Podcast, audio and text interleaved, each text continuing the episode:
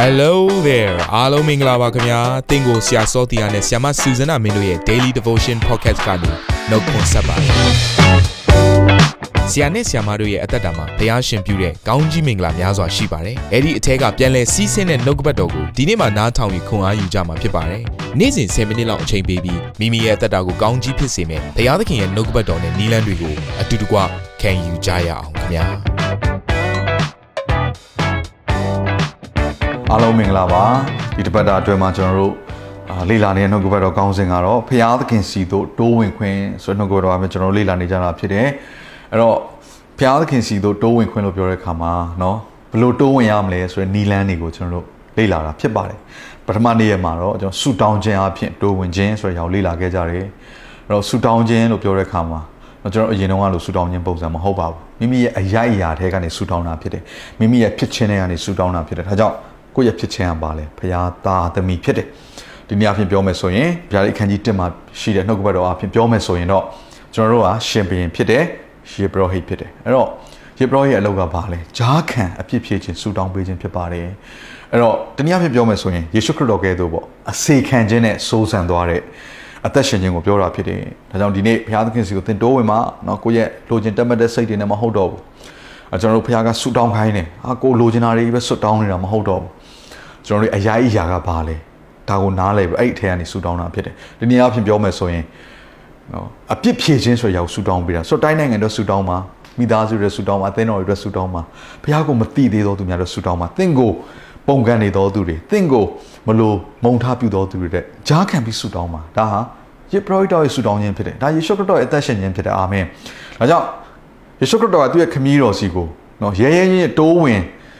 သလိုပဲကျွန်တော်တို့ကလည်း တိုးဝင်တက်ဖို့လိုပါတယ်เนาะအဲ့တော့ကျွန်တော်တို့တွန့်ဆုံနေဖို့မဟုတ်ဘူးပြီးတော့ကျွန်တော်တို့လိုချင်တဲ့ຢာတွေကိုပဲတောင်းနေဖို့မဟုတ်ဘူးယေဘရဟိတယောက်ရဲ့ခြာခံဆူတောင်းခြင်းနဲ့သွားဖို့ဖြစ်တယ်ဆိုတာကိုပြောခဲ့ပြီးပြီဒုတိယနေ့ရဲ့အတွက်ကတော့ဝန်ခံအနှံ့ခြင်းဖြင့်တိုးဝင်ခြင်းဆိုတဲ့အရာကိုကျွန်တော်တော့ဘယ်တော့ဝင်ငှခြင်းပါတယ်အဲ့တော့မနေ့ကလည်းကျွန်တော်လူကခန်းကြီး15ထဲမှာပါတဲ့ပျောက်သောเนาะသားအကြောင်းလေးကိုကျွန်တော်တို့ပြောခဲ့ကြတယ်ဆိုတော့ပျောက်သောသားကသူပြန်ပြီးတော့ဖျားဘက်ကိုလှည့်လိုက်တာပေါ့เนาะဆိုတော့တိုးဝင်လိုက်တာပေါ့ဆိုတော့အဲ့တော့တိုးဝင်လိုက်တဲ့ခါမှာ အဖေကသူ့ကိုအရင်တော့အရိုက်ရတယ်အကုန်လုံးပြန်ပေးတယ်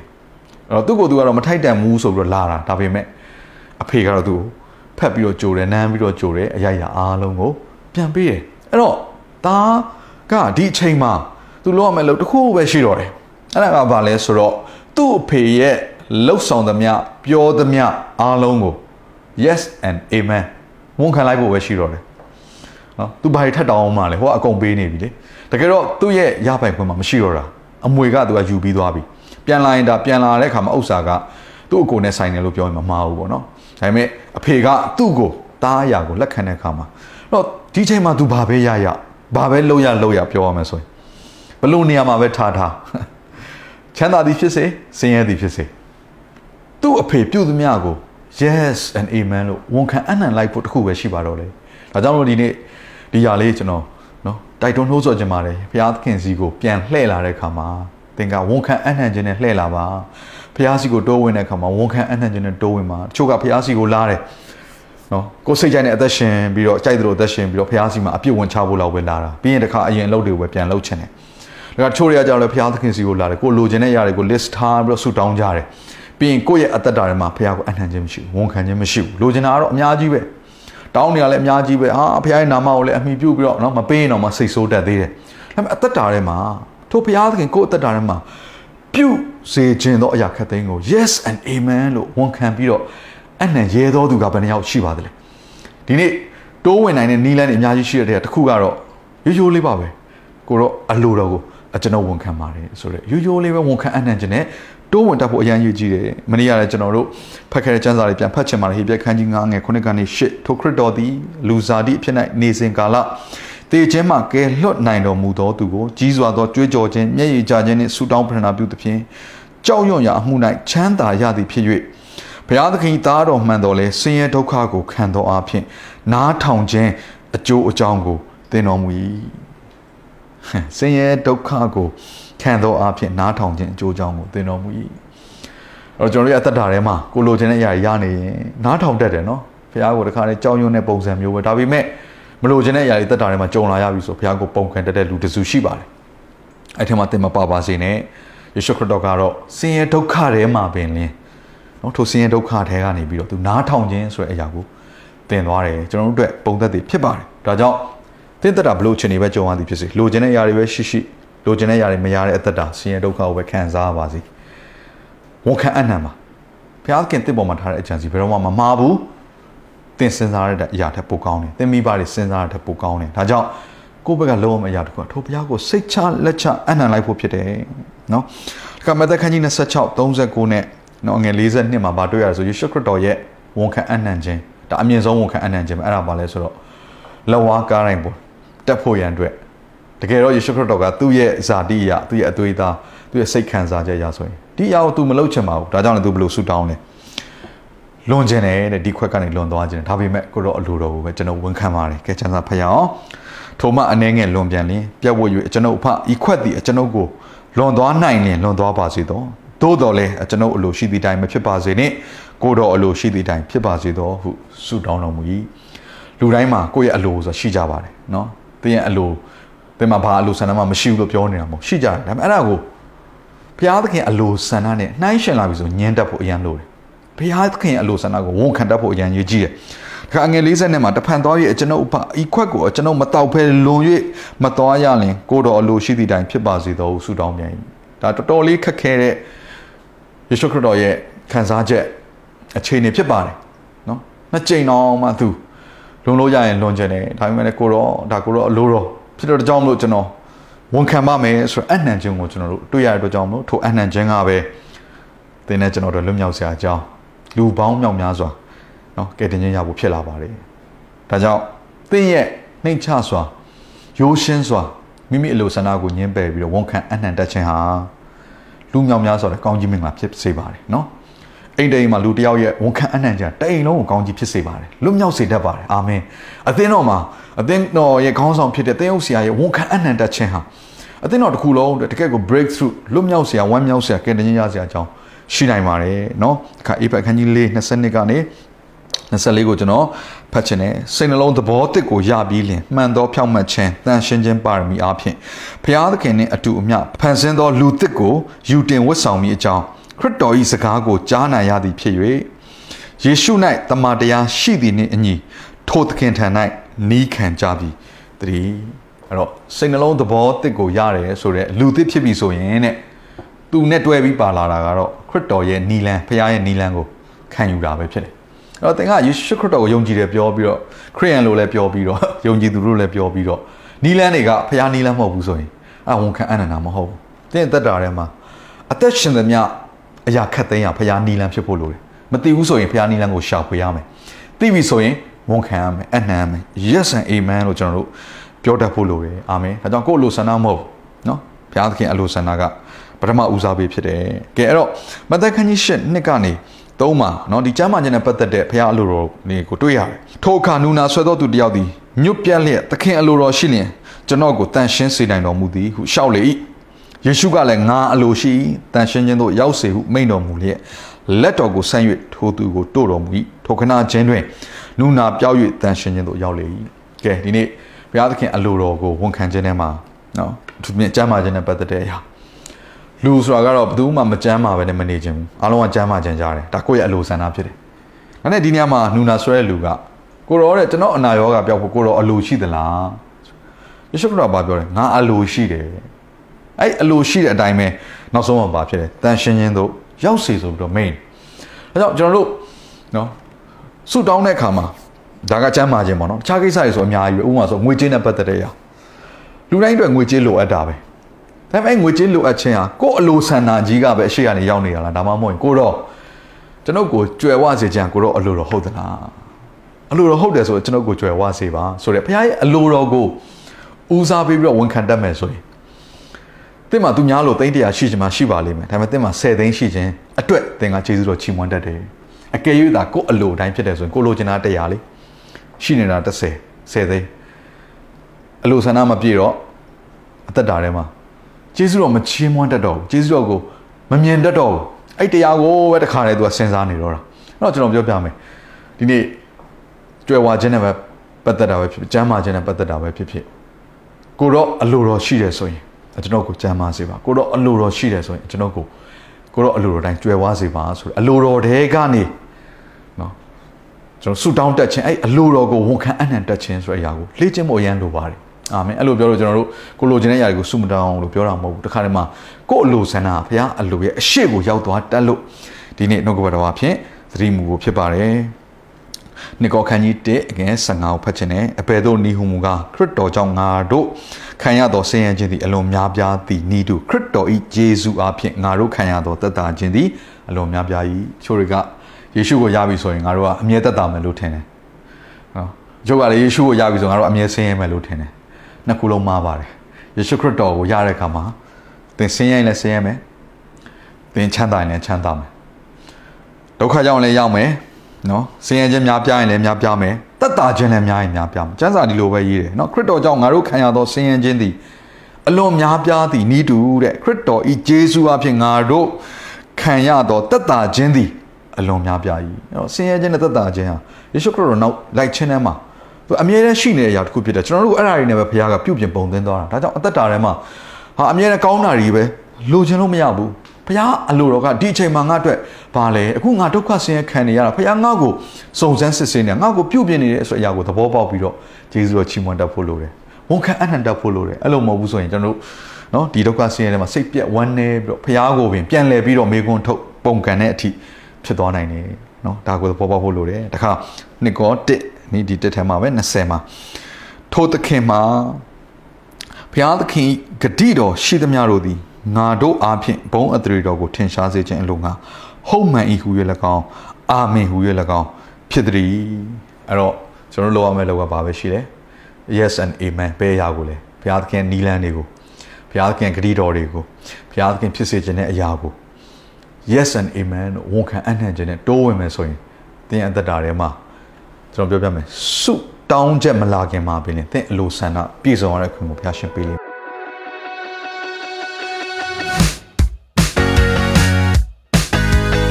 နာတော်တာစင်သူတိုင်းရဲ့အသက်တာမှာကောင်းကြီးဖြစ်မယ်ဆိုတာကိုကျွန်တော်ယုံကြည်ပါတယ်။သင်ရဲ့အသက်တာအတွက်များစွာသော resource တွေနဲ့ update တွေကို Facebook နဲ့ YouTube platform တွေမှာလည်းကျွန်တော်တို့ပြင်ဆင်ထားပါတယ်။ Facebook နဲ့ YouTube တွေမှာဆိုရင် search box ထဲမှာစုစွမ်းနာမင်းလို့ရိုက်ထည့်လိုက်တဲ့အခါအပြအယောင်အမှန်ချစ်ထားတဲ့ Facebook page နဲ့ YouTube channel ကိုတွေ့ရှိမှာဖြစ်ပါတယ်။နှုတ်ကပတ်တော်တွေကိုဗီဒီယိုအားဖြင့်လည်းခွန်အားယူနိုင်ဖို့ရန်အတွက်အစင်သစ်ပြင်ဆင်ထားပါတယ်။ကျွန်တော်တို့ဝิญဉ်ရေးရာအတွက်အထူးလိုအပ်တဲ့ဖွင့်ပြခြင်းတွေနဲ့ခွန်အားတွေကိုရယူလိုက်ပါ။ နောက်ရက်များမှာပြန်ဆုံတွေ့ကြရအောင်ခင်ဗျာ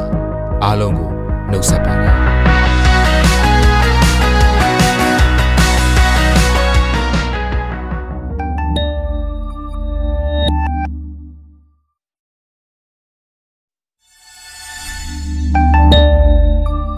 Hello there အားလုံးမင်္ဂလာပါခင်ဗျာတင့်ကိုဆရာစောတီယာနဲ့ဆရာမစူဇနာမင်းတို့ရဲ့ Daily Devotion Podcast ကနေနှုတ်ခွန်းဆက်ပါတယ်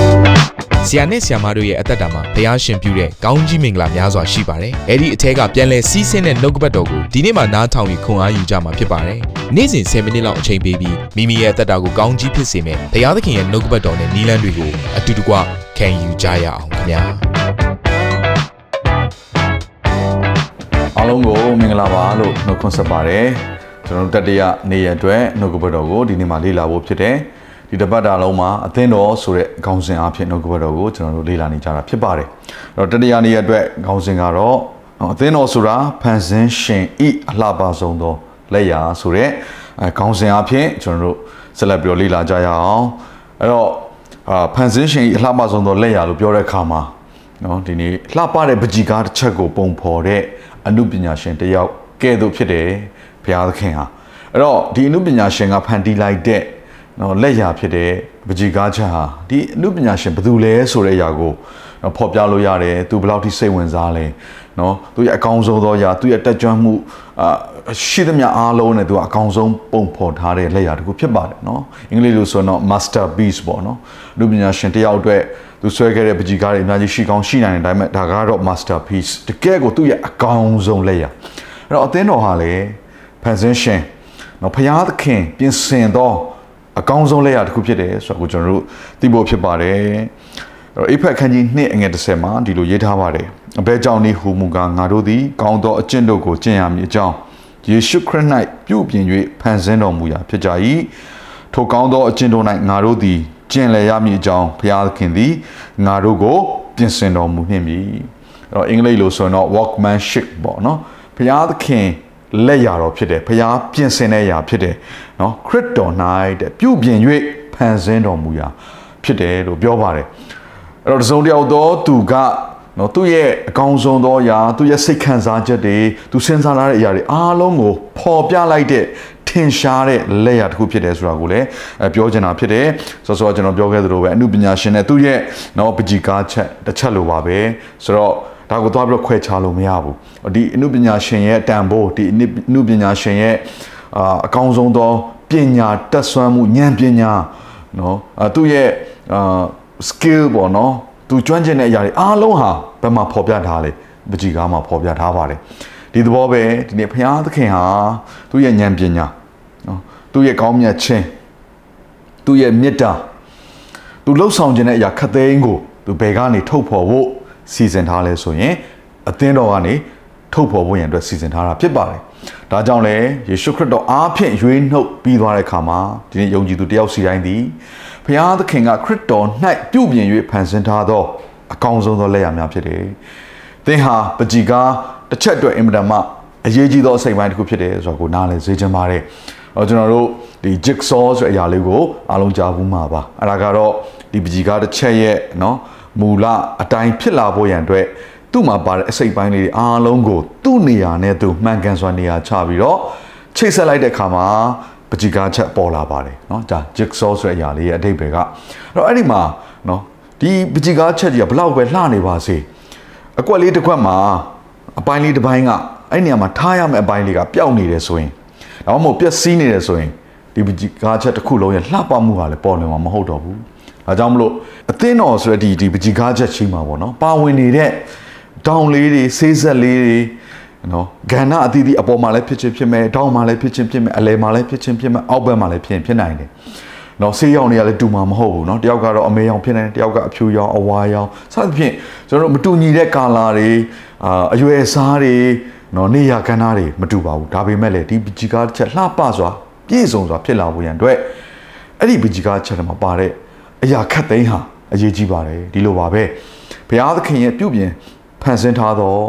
နော်ဒီလက်ရတော်ဖြစ်တဲ့အသင်းတော်ထဲမှာသင်ဟာဘယ်နေရာမှာပဲရှိရှိအရေးကြီးတယ်ဆိုတာကိုလည်းနားလည်ဖို့ဖြစ်ပါတယ်ဒါဟာဘုရားသခင်ရဲ့ဉာဏ်ပညာဖြစ်တယ်နော်ဘုရားသခင်ကသူ့အတွက်မလိုအပ်ဘူးဆိုတဲ့အရာမရှိပါဘူးနော်သူ့အတွက်အားနည်းတယ်ဆိုတဲ့အရာမရှိပါဘူးနော်သူ့အတွက်အယောင်အသွေးတွေလူမျိုးတွေခွဲခြားထားဆိုရမရှိပါဘူး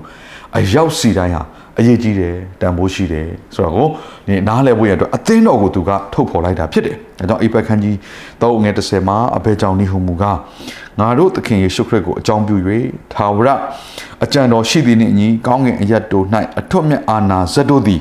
ဘုရားသခင်ထူးဆန်းသောပညာတော်ကိုအသင်းတော်အားဖြင့်ယခုသိရမည်အကြောင်းဒီဘုရားသခင်ဘယ်သူလဲဘုရားသခင်ဘယ်လောက်တော်လဲဘုရားဉာဏ်ပညာဘယ်လောက်ကြီးမားလဲဆိုတဲ့အရာကိုကြည့်ဖို့ရန်အတွက် ဘယ်မှာသွားကြည့်ရလဲဆိုအသင်းတော်မှာသွားကြည့်ရတယ်။တော့ကျွန်တော်တို့ကတော့ဘုရားသခင် position လက်ရာတွေကိုကျွန်တော်ကြည့်လိုက်တဲ့အခါမှာအရန်အံ့ဩကြတယ်မိန်မောကြတယ်နော်။အာသက်ရှိသက်မဲ့တွေပေါ့ဒီအရာခတ်သိမ်းအယောင်သွေးစုံလင်စွာအဖြစ်ကျွန်တော်တို့ကြည့်တဲ့အခါမှာအော်ဘုရားသခင်ကြီးမြတ်ပါလား။စကြဝဠာကြီးကိုကြည့်တဲ့အခါမှာဘုရားသခင်ကြီးမြတ်ပါလား။ဒါပေမဲ့နှုတ်ကပတ်ကျမ်းစာတော်ထဲမှာကြတော့ဘုရားသခင်ရဲ့ဉာဏ်ပညာကိုတဲ့ဘုရားသခင်ကထုတ်ဖော်ဖို့ရန်အတွက်ဘာကိုသုံးလဲဆိုရင်အသင်းတော်ကိုသုံးတယ်။ဒါကြောင့်မလို့ဒီနေ့ကျွန်တော်တို့ရဲ့အပြင်မှာ တွေ့ရသမျှဖန်ဆင်းတဲ့လက်ရာတွေအားလုံးထက်ပိုပြီးတော့လှပသောစုံလင်သောဘုရားသခင်ဉာဏ်ပညာကိုအထင်ရှားဆုံးပေါ်ပြနိုင်သောနေရာသည်အသင်းတော်ဖြစ်ပါတယ်နော်တော့ကဘာမြေကြီးလည်းမဟုတ်တော့ဘူးစัจ java ကြီးလည်းမဟုတ်နေလည်းမဟုတ်တော့ဘူးကျယ်တွေလည်းမဟုတ်တော့ဘူးကျွန်တော်တို့အဲ့ဒါတွေကိုကြည့်တဲ့အခါမှာအံ့ဩတယ်မိန်မောတယ်တွေ့ဝေတယ်ဒါပေမဲ့ဒီလောကမှာရှိတဲ့လူတွေအားလုံးဟာတဲ့သူတို့အားလုံးမိန်မောတွေ့ဝေရမယ်နေရာတဲ့နေရာကတော့ အသင်းတော်ဖြစ်တယ်အဲ့ဒီလိုပဲအထွတ်မြတ်အာနာစက်တွေလို့ခေါ်တဲ့ကောင်းငင်တကူမှောင်မိုက်ကလည်းအံ့ဩမိန်မောတွေ့ဝေရတဲ့ຢာဘာလဲဆိုရင်အသင်းတော်ပဲဖြစ်တယ်ဒါဟာကျွန်တော်တို့အင်မတန်မှနည်းနည်းနှုတ်ကပတ်တော်ဖြစ်ပါတယ်เนาะကျွန်တော်တို့ကတော့အပြင်ကဖန်ဆင်းတဲ့လက်ရာတွေကိုကြည့်ပြီးတော့အံ့ဩမိန်မောကြတယ်ဒါပေမဲ့ net ဆိုးနဲ့မှောင်မိုက်တကူကတော့အသင်းတော်ကိုကြည့်ပြီးတော့အံ့ဩရတယ်မိန်မောရတယ်။အော်တမန်တော်ဝတ္ထုအခန်းကြီး၄ငယ်73မှာဒီလိုရေးပါတယ်။ထိုသူတို့သည်ပေတရုနှင့်ယောဟန်တို့၏ရဲရင်ချင်းတတ္တိကိုမြင်၍ လူတက်မဟုတ်လူသားမညတာဖြစ်သည်ကိုသိမှတ်သဖြင့်အံ့ဩ၍နေကြ၏တော့ဒါဟာပေတရုနဲ့ယောဟန်ကိုနော်တမန်တော်ဝတ္ထုခန်းကြီး2မှာဒါရှင်သောဝိညာဉ်တော်က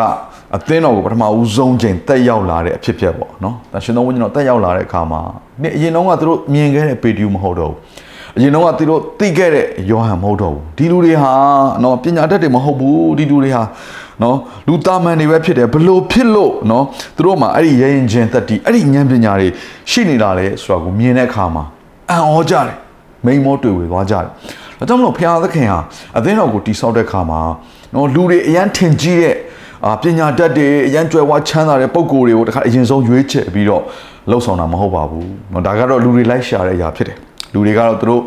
အထင်ကြီးတဲ့အရာလေးစားတဲ့အရာအိုးဉာဏ်ပညာကြီးမားပါပဲလို့ စဉ်းစားမယ်ဆိုရင်သူတို့အကြီးမားဆုံးသောတက္ကသိုလ်တွေအောင်မြင်ဆုံးသောနာမည်အကြီးဆုံးသောနေရာတွေမှာလိုက်ရှာပါလိမ့်မယ်သို့တော်လည်းပဲဘုရားသခင်ကတော့အဲ့ဒီလူတွေအံ့ဩသွားအောင်မိန်မောသွားအောင်သူတုံးတဲ့သူတွေကတော့ဆင်းရဲတော်သူနော်ပညာရေးမှာအားနေတော်သူတွေလူအမြင်မှာမဖြစ်နိုင်ဘူးလို့ထင်တဲ့လူတွေကိုအသုံးပြုပြီးတော့သူ့ရဲ့ဉာဏ်ပညာကိုထို့လူတွေကတဆင့်ဖော်ပြတာဖြစ်တယ်အဲ့ဒါအသင်းတော်လို့ခေါ်ပါတယ်ဆိုတော့ကျွန်တော်ဒီကျမ်းစာလေးကိုလည်းဖတ်ချင်ပါတယ်တကောခန်းကြီး1 26ကနေ29မှာဖြစ်တယ် ညီကိုတို့သင်တို့ကိုခေါ်တော်မူခြင်းအကြောင်းအရာကိုဆင်ញင်ကြလော့ခေါ်တော်မူသောသူတို့တွေလောကီပညာရှိအများမပါထင်ရှားသောလူကြီးအများမပါမင်းအမျိုးအနွယ်ဖြစ်သောသူအများမပါဘုရားသခင်သည်ပညာရှိတို့ကိုရှက်ကြောက်စေခြင်းကလောကီယာ၌မိုင်မဲသောသူတို့ကိုကြွေးကောက်တော်မူ၏အစွမ်းတတ္တိရှိသောသူတို့ကိုရှက်ကြောက်စေခြင်းကလောကီယာ၌အားနည်းသောသူတို့ကိုကြွေးကောက်တော်မူ၏မြတ်သောသူတို့ကိုရှက်ကြောက်စေခြင်းကလောကီယာ၌ဆင်းရဲသောသူမရေရာသောသူ ရုပ်သောသူတို့ကိုရွေးကောက်တော်မူ၏ထို့ကြောင့်ဘုရားသခင်ရှေ့၌အဘယ်သူမျှဝါကြွားစရာအကြောင်းမရှိဘုရားသခင်ရွေးတဲ့လူတွေကိုဒီနှုတ်ဘတ်တော်ထဲမှာသိစင်ကျင်ကြည့်ပါအကယ်၍သင်ဟာဒီလိုအမျိုးသားတွေမှာပါနေတယ်ဆိုရင်ဘုရားကတင့်စီကနေတဆင့်သူဟာဘယ်လောက်ထိကြီးမြတ်လဲသူရဲ့ဉာဏ်ပညာကိုဖော်ထုတ်ချင်တာဖြစ်တယ်အဲ့တော့ဒီယုံညံ့ခြင်းနဲ့မရေရာခြင်းနဲ့ဆင်းရဲခြင်းနဲ့ပညာမတတ်ခြင်းတွေနော်လူရဲ့အမြင်မှာအာကြီးတယ်လို့မထင်ရတဲ့အခြေအနေထဲမှာဘုရားဟာ ပြုတ်ပြင်းပုံသွင်းရင်းကနေတစ်ဆင့်အရင်ကလည်းမတူသောအသက်တာကိုရလာတဲ့ခါမှာအော်ဒီလူတွေရဲ့အသက်တာဘလို့ပုံစံနဲ့နော်ဒီလိုကြီးမြတ်လာတာလဲဒီလိုဉာဏ်ပညာတွေနဲ့ပြည့်စုံလာတာလဲဘာကြောင့်ဒီလူရဲ့အသက်တာဒီလိုပြောင်းလဲလာတာလဲလို့လူတွေကတွေးပြီးတော့မြင်ပြီးတော့ထိုကြီးမြတ်သောဖခင်အသက်ရှင်သောဖခင်ကိုချီးမွမ်းကြလိမ့်မယ်။ဒါကြောင့်ဒီຢာဟာဒီကမ္ဘာလောကမှာအသင်းတော်ဆိုတဲ့နေရာတနေရာမှာပဲရှိပါတယ်။အကယ်၍အသင်းဟာအသင်းတော်ထဲမှာပါနေတယ်ဆိုရင် ကြိုးပဲ့ချိန်မွားတဲ့အခြေအနေမှာပဲရှိနေပါစေ။သင်အသက်တာမစုံနေတဲ့အခြေအနေမှာပဲရှိနေပါစေ။ဘုရားသခင်ရဲ့ပြုတ်ပြင်ပုံသွင်းခြင်းအပြင်အင်မတန်မှလှပတဲ့ပကြီးကားတစ်ချက်မှာအရေးပါတဲ့နေရာတနေရာကို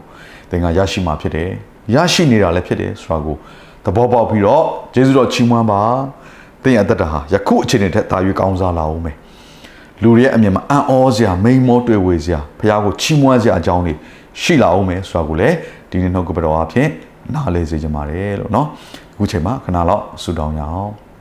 ဘုရားသခင်ကိုရောကိုယေရှုတင်ပါတယ်ဒီနေ့ခရစ်ယာန်ဘုရားကကျွန်တော်တို့ကိုရွေးတဲ့အခါမှာကျွန်တော်တို့ရဲ့မရေရာတဲ့အခြေအနေတွေယုံညံ့တဲ့အခြေအနေတွေမိမိကိုယ်ပဲအားမရတဲ့အခြေအနေပဲနဲထဲမှာပဲနေကိုတော်ကကျွန်တော်တို့ကိုရွေးကောင်းပြီးတော့ချစ်ပြီးတော့အကောင်းဆုံးပြုပြင်ပုံသွင်းလို့ကိုတော်ကိုယေရှုတင်ပါတယ်ခရစ်ယာန်ဘုရားဘလို့မှမိမိကိုယ်ကိုယ်ပဲနေစဉ်းစားတဲ့အခါမှာဖြစ်လာနိုင်စရာအကြောင်းမရှိဘူးလို့ အခြေအနေအမျိုးမျိုးရရထဲကနေပြီးတော့ကိုတော်ကဉာဏ်ပညာအပြင်ပြုပြင်တဲ့ပုံသွင်းတဲ့မေတ္တာအဖြစ်ဆွဲခေါ်တယ်ကိုရောကိုယေရှုတင်တယ်ယနေ့နှုတ်ကပတော်နားထောင်နေသူတယောက်စီတိုင်းအသက်တာမှာလဲသူတို့ရဲ့အသက်တာဟာကိုရောရဲ့အကြံစီတော်ထဲမှာအရေးကြီးသောနေရာကနေနေရာချထားတယ်ဆိုတာကိုသဘောပေါက်ပြီးတော့ယေရှုတော်ချီးမွမ်းစရာအကြောင်းဖြစ်ပါစေအသက်ရှင်သောယေရှုခရစ်တော်၏နာမကိုအမိပြုလျက်ဆုတောင်းဆက်ကြပါ၏ဖာဖျားသခင်အာမင်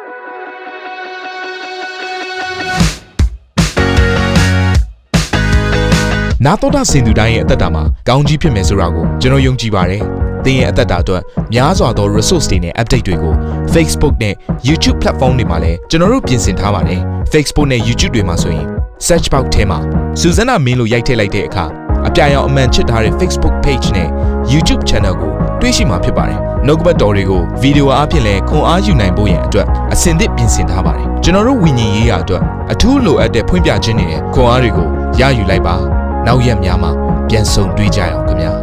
အားလုံးကိုနှုတ်ဆက်ပါတယ်ဟ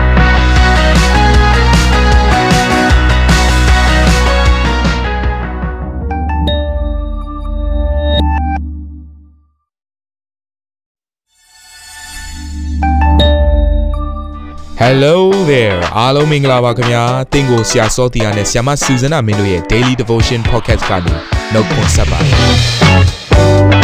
ဆရာနဲ့ဆရာမတို့ရဲ့အသက်တာမှာဘုရားရှင်ပြုတဲ့ကောင်းကြီးမင်္ဂလာများစွာရှိပါတယ်အဲ့ဒီအထက်ကပြန်လဲစီးဆင်းတဲ့နှုတ်ကပတ်တော်ကိုဒီနေ့မှနားထောင်ပြီးခွန်အားယူကြမှာဖြစ်ပါတယ်နေ့စဉ်10မိနစ်လောက်အချိန်ပေးပြီးမိမိရဲ့အသက်တာကိုကောင်းကြီးဖြစ်စေမယ်ဘုရားသခင်ရဲ့နှုတ်ကပတ်တော်နဲ့နီးလန်းတွေကိုအတူတကွခံယူကြရအောင်ခင်ဗျာ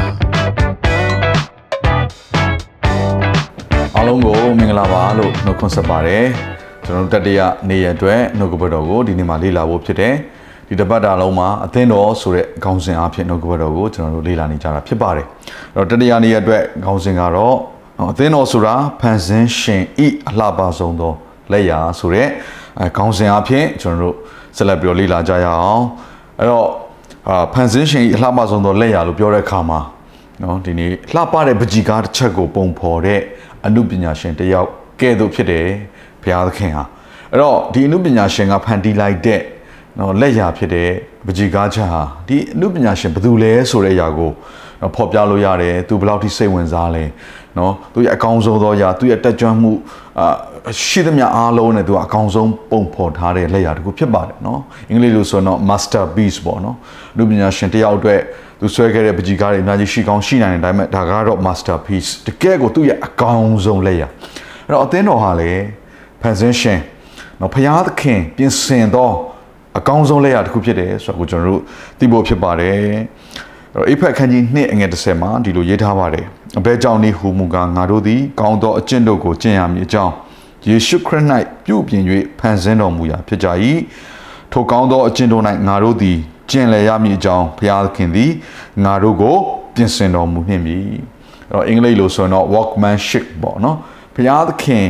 လက်ရာတော်ဖြစ်တယ်ဘုရားပြင်ဆင်တဲ့ရာဖြစ်တယ်နော်ခရစ်တော်၌တဲ့ပြုပြင်၍ဖန်ဆင်းတော်မူရာဖြစ်တယ်လို့ပြောပါတယ်အဲ့တော့တစ်စုံတစ်ယောက်သောသူကနော်သူ့ရဲ့အကောင်းဆုံးသောအရာသူ့ရဲ့စိတ်ခံစားချက်တွေသူစဉ်းစားလာတဲ့အရာတွေအားလုံးကိုပေါ်ပြလိုက်တဲ့ထင်ရှားတဲ့လက်ရာတစ်ခုဖြစ်တယ်ဆိုတာကိုလည်းအဲပြောချင်တာဖြစ်တယ်ဆိုတော့ကျွန်တော်ပြောခဲ့သလိုပဲအမှုပညာရှင်နဲ့သူ့ရဲ့နော်ပကြီကားချက်တစ်ချက်လိုပါပဲဆိုတော့ ဒါကိုသွားပြီးတော့ခွဲခြားလို့မရဘူးဒီအမှုပညာရှင်ရဲ့တန်ဖိုးဒီအမှုပညာရှင်ရဲ့အာအကောင်းဆုံးသောပညာတက်ဆွမ်းမှုဉာဏ်ပညာနော်အဲသူ့ရဲ့အာ skill ပေါ့နော်သူကျွမ်းကျင်တဲ့အရာတွေအားလုံးဟာဘယ်မှာဖော်ပြထားလဲပကြီကားမှာဖော်ပြထားပါတယ်ဒီသဘောပဲဒီနေ့ဘုရားသခင်ဟာသူ့ရဲ့ဉာဏ်ပညာနော်သူ့ရဲ့ကောင်းမြတ်ခြင်းသူ့ရဲ့မေတ္တာသူလှုပ်ဆောင်ခြင်းတဲ့အရာခတ်သိမ်းကိုသူဘယ်ကနေထုတ်ဖော်ဖို့ စီစဉ်ထားလဲဆိုရင်အသင်းတော်ကနေထုတ်ဖော်ဖို့ရန်အတွက်စီစဉ်ထားတာဖြစ်ပါတယ်။ဒါကြောင့်လေယေရှုခရစ်တော်အားဖြင့်ရွေးနှုတ်ပြီးသွားတဲ့အခါမှာဒီနေ့ယုံကြည်သူတယောက်စီတိုင်းသည်ဘုရားသခင်ကခရစ်တော်၌ပြုပြင်၍ဖန်ဆင်းထားသောအကောင်းဆုံးသောလက်ရာများဖြစ်တယ်။သင်ဟာပကြီကားတစ်ချက်အတွက်အင်မတန်မှအရေးကြီးသောအစိတ်ပိုင်းတစ်ခုဖြစ်တယ်ဆိုတော့ကိုနားလည်စေချင်ပါတယ်။အော်ကျွန်တော်တို့ဒီ jigsaw ဆိုတဲ့အရာလေးကိုအားလုံးကြားဘူးမှာပါ။အဲ့ဒါကတော့ဒီပကြီကားတစ်ချက်ရဲ့နော် မူလအတိုင်းဖြစ်လာဖို့ရန်အတွက်သူ့မှာပါတဲ့အစိတ်ပိုင်းလေးတွေအားလုံးကိုသူ့နေရာနဲ့သူမှန်ကန်စွာနေရာချပြီးတော့ချိတ်ဆက်လိုက်တဲ့အခါမှာပကြီကားချက်ပေါ်လာပါတယ်เนาะဒါ jigsaw ဆိုတဲ့အရာလေးရဲ့အဓိပ္ပာယ်ကအဲ့တော့အဲ့ဒီမှာเนาะဒီပကြီကားချက်ကြီးကဘလောက်ပဲလှနေပါစေအကွက်လေးတစ်ခွက်မှာအပိုင်းလေးတစ်ပိုင်းကအဲ့ဒီနေရာမှာထားရမယ့်အပိုင်းလေးကပျောက်နေတယ်ဆိုရင်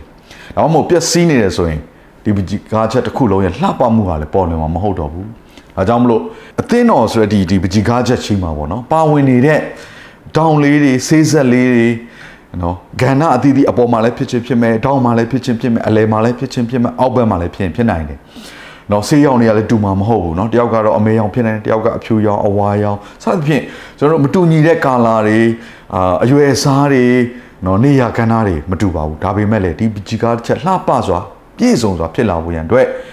အဲ့ဒီပကြီကားချက်တွေမှာပါတဲ့ အရာခတ်သိမ်းဟာအရေးကြီးပါတယ်ဒီလိုပါပဲဘုရားသခင်ရဲ့ပြုပြင်ဖန်ဆင်းထားသောနော်ဒီလက်ရတော်ဖြစ်တဲ့အသင်းတော်ထဲမှာသင်ဟာဘယ်နေရာမှာပဲရှိရှိအရေးကြီးတယ်ဆိုတာကိုလည်းအဲနားလည်ဖို့ဖြစ်ပါတယ်ဒါဟာဘုရားသခင်ရဲ့ဉာဏ်ပညာဖြစ်တယ်เนาะဘုရားသခင်ကသူ့အတွက်မလိုအပ်ဘူးဆိုတဲ့အရာမရှိပါဘူးเนาะသူ့အတွက်အားနည်းတယ်ဆိုတဲ့အရာမရှိပါဘူးเนาะသူ့အတွက်အယောင်အသွေးတွေလူမျိုးတွေခွဲခြားထားဆိုရမရှိပါဘူး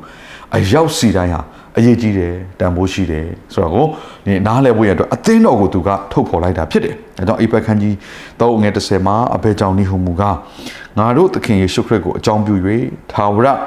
အကြံတော်ရှိသည်နှင့်အညီကောင်းကင်အရတ်တို့၌အထွတ်မြတ်အာနာဇတ်တို့သည်ဘုရားသခင်ထူးဆန်းသောပညာတော်ကိုအသင်းတော်အားဖြင့်ယခုသိရမည်အကြောင်းဒီဘုရားသခင်ဘယ်သူလဲဘုရားသခင်ဘယ်လောက်တော်လဲဘုရားဉာဏ်ပညာဘယ်လောက်ကြီးမားလဲဆိုတဲ့အရာကိုကြည့်ဖို့ရန်အတွက်ဘယ်မှာသွားကြည့်ရလဲဆို အသင်းတော်မှာသွားကြည့်ရလေ။အဲ့ကျွန်တော်တို့ကတော့ဘုရားသခင် possession လက်ရာတွေကိုကျွန်တော်ကြည့်လိုက်တဲ့အခါမှာအရန်အံ့ဩကြတယ်မိန်မောကြတယ်နော်။အာတက်ရှိတက်မယ်တွေပေါ်ဒီအရာခက်သိမ်းအယောင်သွေးစုံလင်စွာဖြင့်ကျွန်တော်တို့ကြည့်တဲ့အခါမှာအော်ဘုရားသခင်ကြီးမြတ်ပါလား။စကြဝဠာကြီးကိုကြည့်တဲ့အခါမှာဘုရားသခင်ကြီးမြတ်ပါလား။ဒါပေမဲ့နှုတ်ကပတ်ကျမ်းစာတော်ထဲမှာကြတော့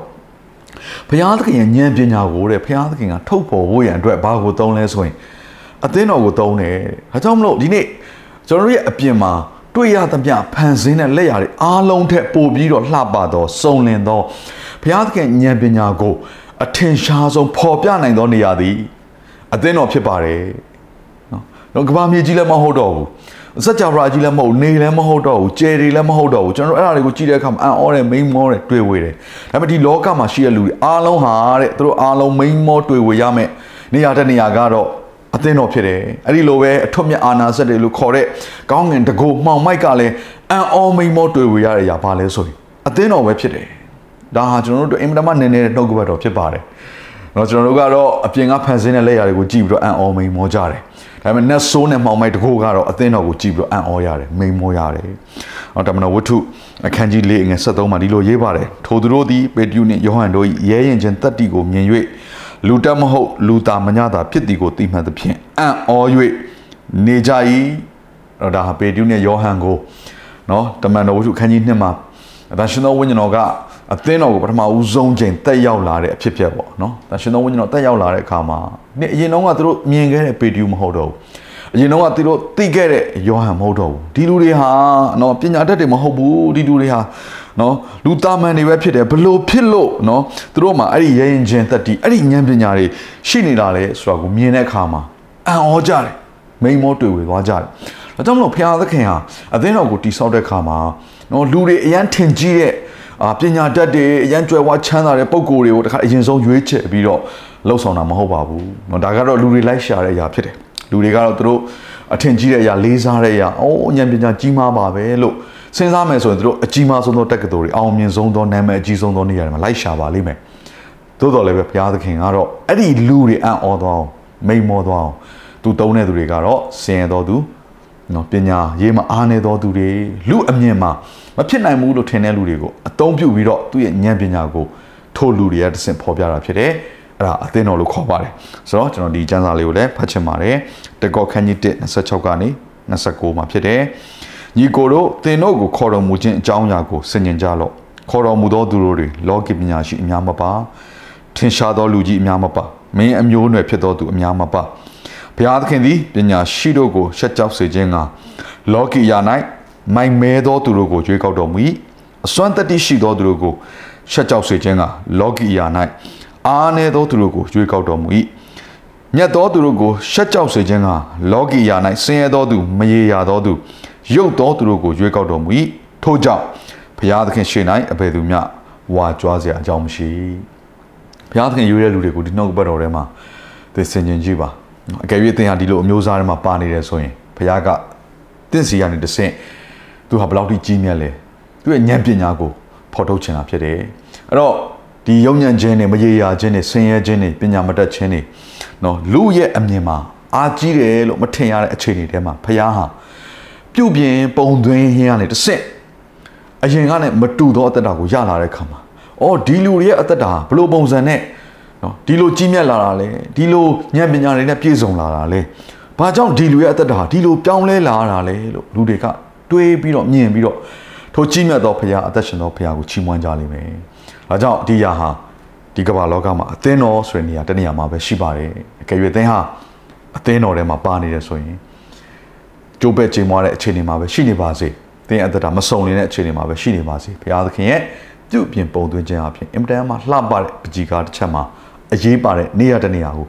သင်ကရရှိမှာဖြစ်တယ်။ရရှိနေတာလည်းဖြစ်တယ်ဆိုတာကိုသဘောပေါက်ပြီးတော့ယေရှုတော်ချီးမွမ်းပါ။သင်ရဲ့အသက်တာဟာယခုအခြေအနေထက်သာ၍ကောင်းစားလာအောင်မယ်။လူတွေရဲ့အမြင်မှာအံ့ဩစရာမိန်မောတွေ့ဝေစရာဘုရားကိုချီးမွမ်းစရာအကြောင်းတွေရှိလာအောင်မယ်ဆိုတာကိုလည်းဒီနေ့နှုတ်ကပတော်အဖြစ် နားလေစေချင်ပါတယ်လို့เนาะ အခုချိန်မှာခဏလောက်ဆူတောင်းရအောင်ဘုရားသခင်ကိုရောကိုယေရှုတင်ပါတယ်ဒီနေ့ခရစ်ယာန်ဘုရားကကျွန်တော်တို့ကိုရွေးတဲ့အခါမှာကျွန်တော်တို့ရဲ့မရေရာတဲ့အခြေအနေတွေယုံညံ့တဲ့အခြေအနေတွေမိမိကိုယ်ပဲအားမရတဲ့အခြေအနေပဲနဲထဲမှာပဲနေကိုတော်ကကျွန်တော်တို့ကိုရွေးကောက်ပြီးတော့ချစ်ပြီးတော့အကောင်းဆုံးပြုပြင်ပုံသွင်းလို့ကိုတော်ကိုယေရှုတင်ပါတယ်ခရစ်ယာန်ဘုရားဘလို့မှမိမိကိုယ်ကိုယ်ပင်စဉ်းစားတဲ့အခါမှာဖြစ်လာနိုင်စရာအကြောင်းမရှိဘူးလို့အခြေအနေ အမျိုးမျိုးရရထဲကနေပြီးတော့ကိုတော်ကဉာဏ်ပညာအပြင်ပြုပြင်တဲ့ပုံသွင်းတဲ့မေတ္တာအဖြစ်ဆွဲခေါ်တယ်ကိုရောကိုယေရှုတင်တယ်ယနေ့နှုတ်ကပတော်နားထောင်နေသူတယောက်စီတိုင်းအသက်တာမှာလဲသူတို့ရဲ့အသက်တာဟာကိုရောရဲ့အကြံစီတော်ထဲမှာအရေးကြီးသောနေရာကနေနေရာချထားတယ်ဆိုတာကိုသဘောပေါက်ပြီးတော့ယေရှုတော်ချီးမွမ်းစရာအကြောင်းဖြစ်ပါစေအသက်ရှင်သောယေရှုခရစ်တော်၏နာမကိုအမိပြုလျက်ဆုတောင်းဆက်ကြပါ၏ဖပါဘုရားသခင်အာမင်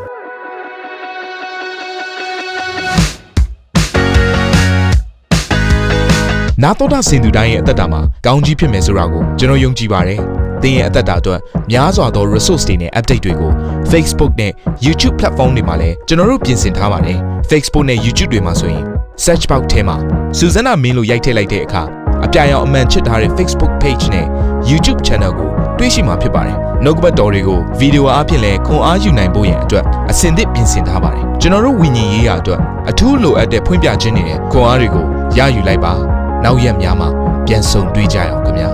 အားလုံးကိုနှုတ်ဆက်ပါတယ်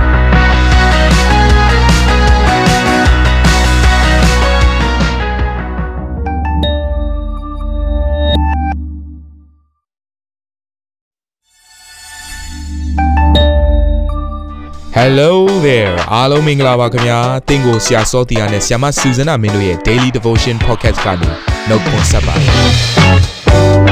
ဆရာနဲ့ဆရာမတို့ရဲ့အသက်တာမှာဘုရားရှင်ပြုတဲ့ကောင်းကြီးမင်္ဂလာများစွာရှိပါတယ်။အဲ့ဒီအထက်ကပြန်လဲစီးဆင်းတဲ့နှုတ်ကပတ်တော်ကိုဒီနေ့မှနားထောင်ပြီးခွန်အားယူကြမှာဖြစ်ပါတယ်။နေ့စဉ်10မိနစ်လောက်အချိန်ပေးပြီးမိမိရဲ့အသက်တာကိုကောင်းကြီးဖြစ်စေမယ့်ဘုရားသခင်ရဲ့နှုတ်ကပတ်တော်နဲ့နီးလန်းတွေကိုအတူတကွခံယူကြရအောင်ခင်ဗျာ။အားလုံးကိုမင်္ဂလာပါလို့နှုတ်ခွန်းဆက်ပါတယ်။ကျွန်တော်တို့တတိယနေ့ရက်အတွက်နှုတ်ကပတ်တော်ကိုဒီနေ့မှလေ့လာဖို့ဖြစ်တယ်။ ဒီတပတ်တာလုံးမှာအသင်းတော်ဆိုတဲ့ခေါင်းစဉ်အဖြစ်နှုတ်ကပတ်တော်ကိုကျွန်တော်တို့လေ့လာနေကြတာဖြစ်ပါတယ်အဲ့တော့တတိယနေ့အတွက်ခေါင်းစဉ်ကတော့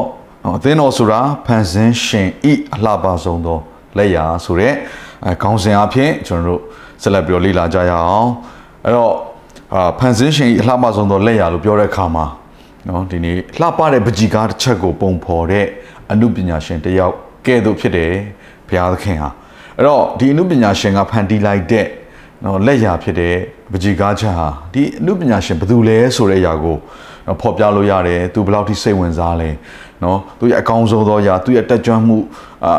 ရှိသမျှအားလုံးနဲ့သူကအကောင်းဆုံးပုံဖော်ထားတဲ့လက်ရာတစ်ခုဖြစ်ပါတယ်နော်အင်္ဂလိပ်လိုဆိုတော့ masterpiece ပေါ့နော်အမှုပညာရှင်တယောက်အတွက်သူဆွဲခဲ့တဲ့ပကြီကားတွေအများကြီးရှိကောင်းရှိနိုင်တယ်ဒါပေမဲ့ဒါကတော့ masterpiece တကယ်ကိုသူ့ရဲ့အကောင်းဆုံးလက်ရာအဲ့တော့အသင်းတော်ဟာလေဖန်ဆင်းရှင်နော်ဖျားသခင်ပြင်ဆင်သော အကောင်းဆုံးလက်ရတစ်ခုဖြစ်တယ်ဆိုတော့ကျွန်တော်တို့သိဖို့ဖြစ်ပါတယ်အဲ့တော့အိဖက်ခန်းကြီး2အငယ်30မှာဒီလိုရေးထားပါတယ်အဘဲကြောင့်နေဟူမူကားငါတို့သည်ကောင်းသောအကျင့်တို့ကိုကျင့်ရမည်အကြောင်း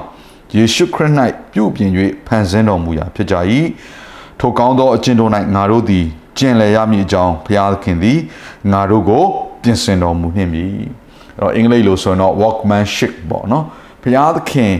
လက်ရတော်ဖြစ်တယ်ဖျားပြင်ဆင်တဲ့ရာဖြစ်တယ်နော်ခရစ်တော်၌တဲ့ပြုပြင်၍ဖန်ဆင်းတော်မူရာဖြစ်တယ်လို့ပြောပါတယ်အဲ့တော့တစုံတယောက်သောသူက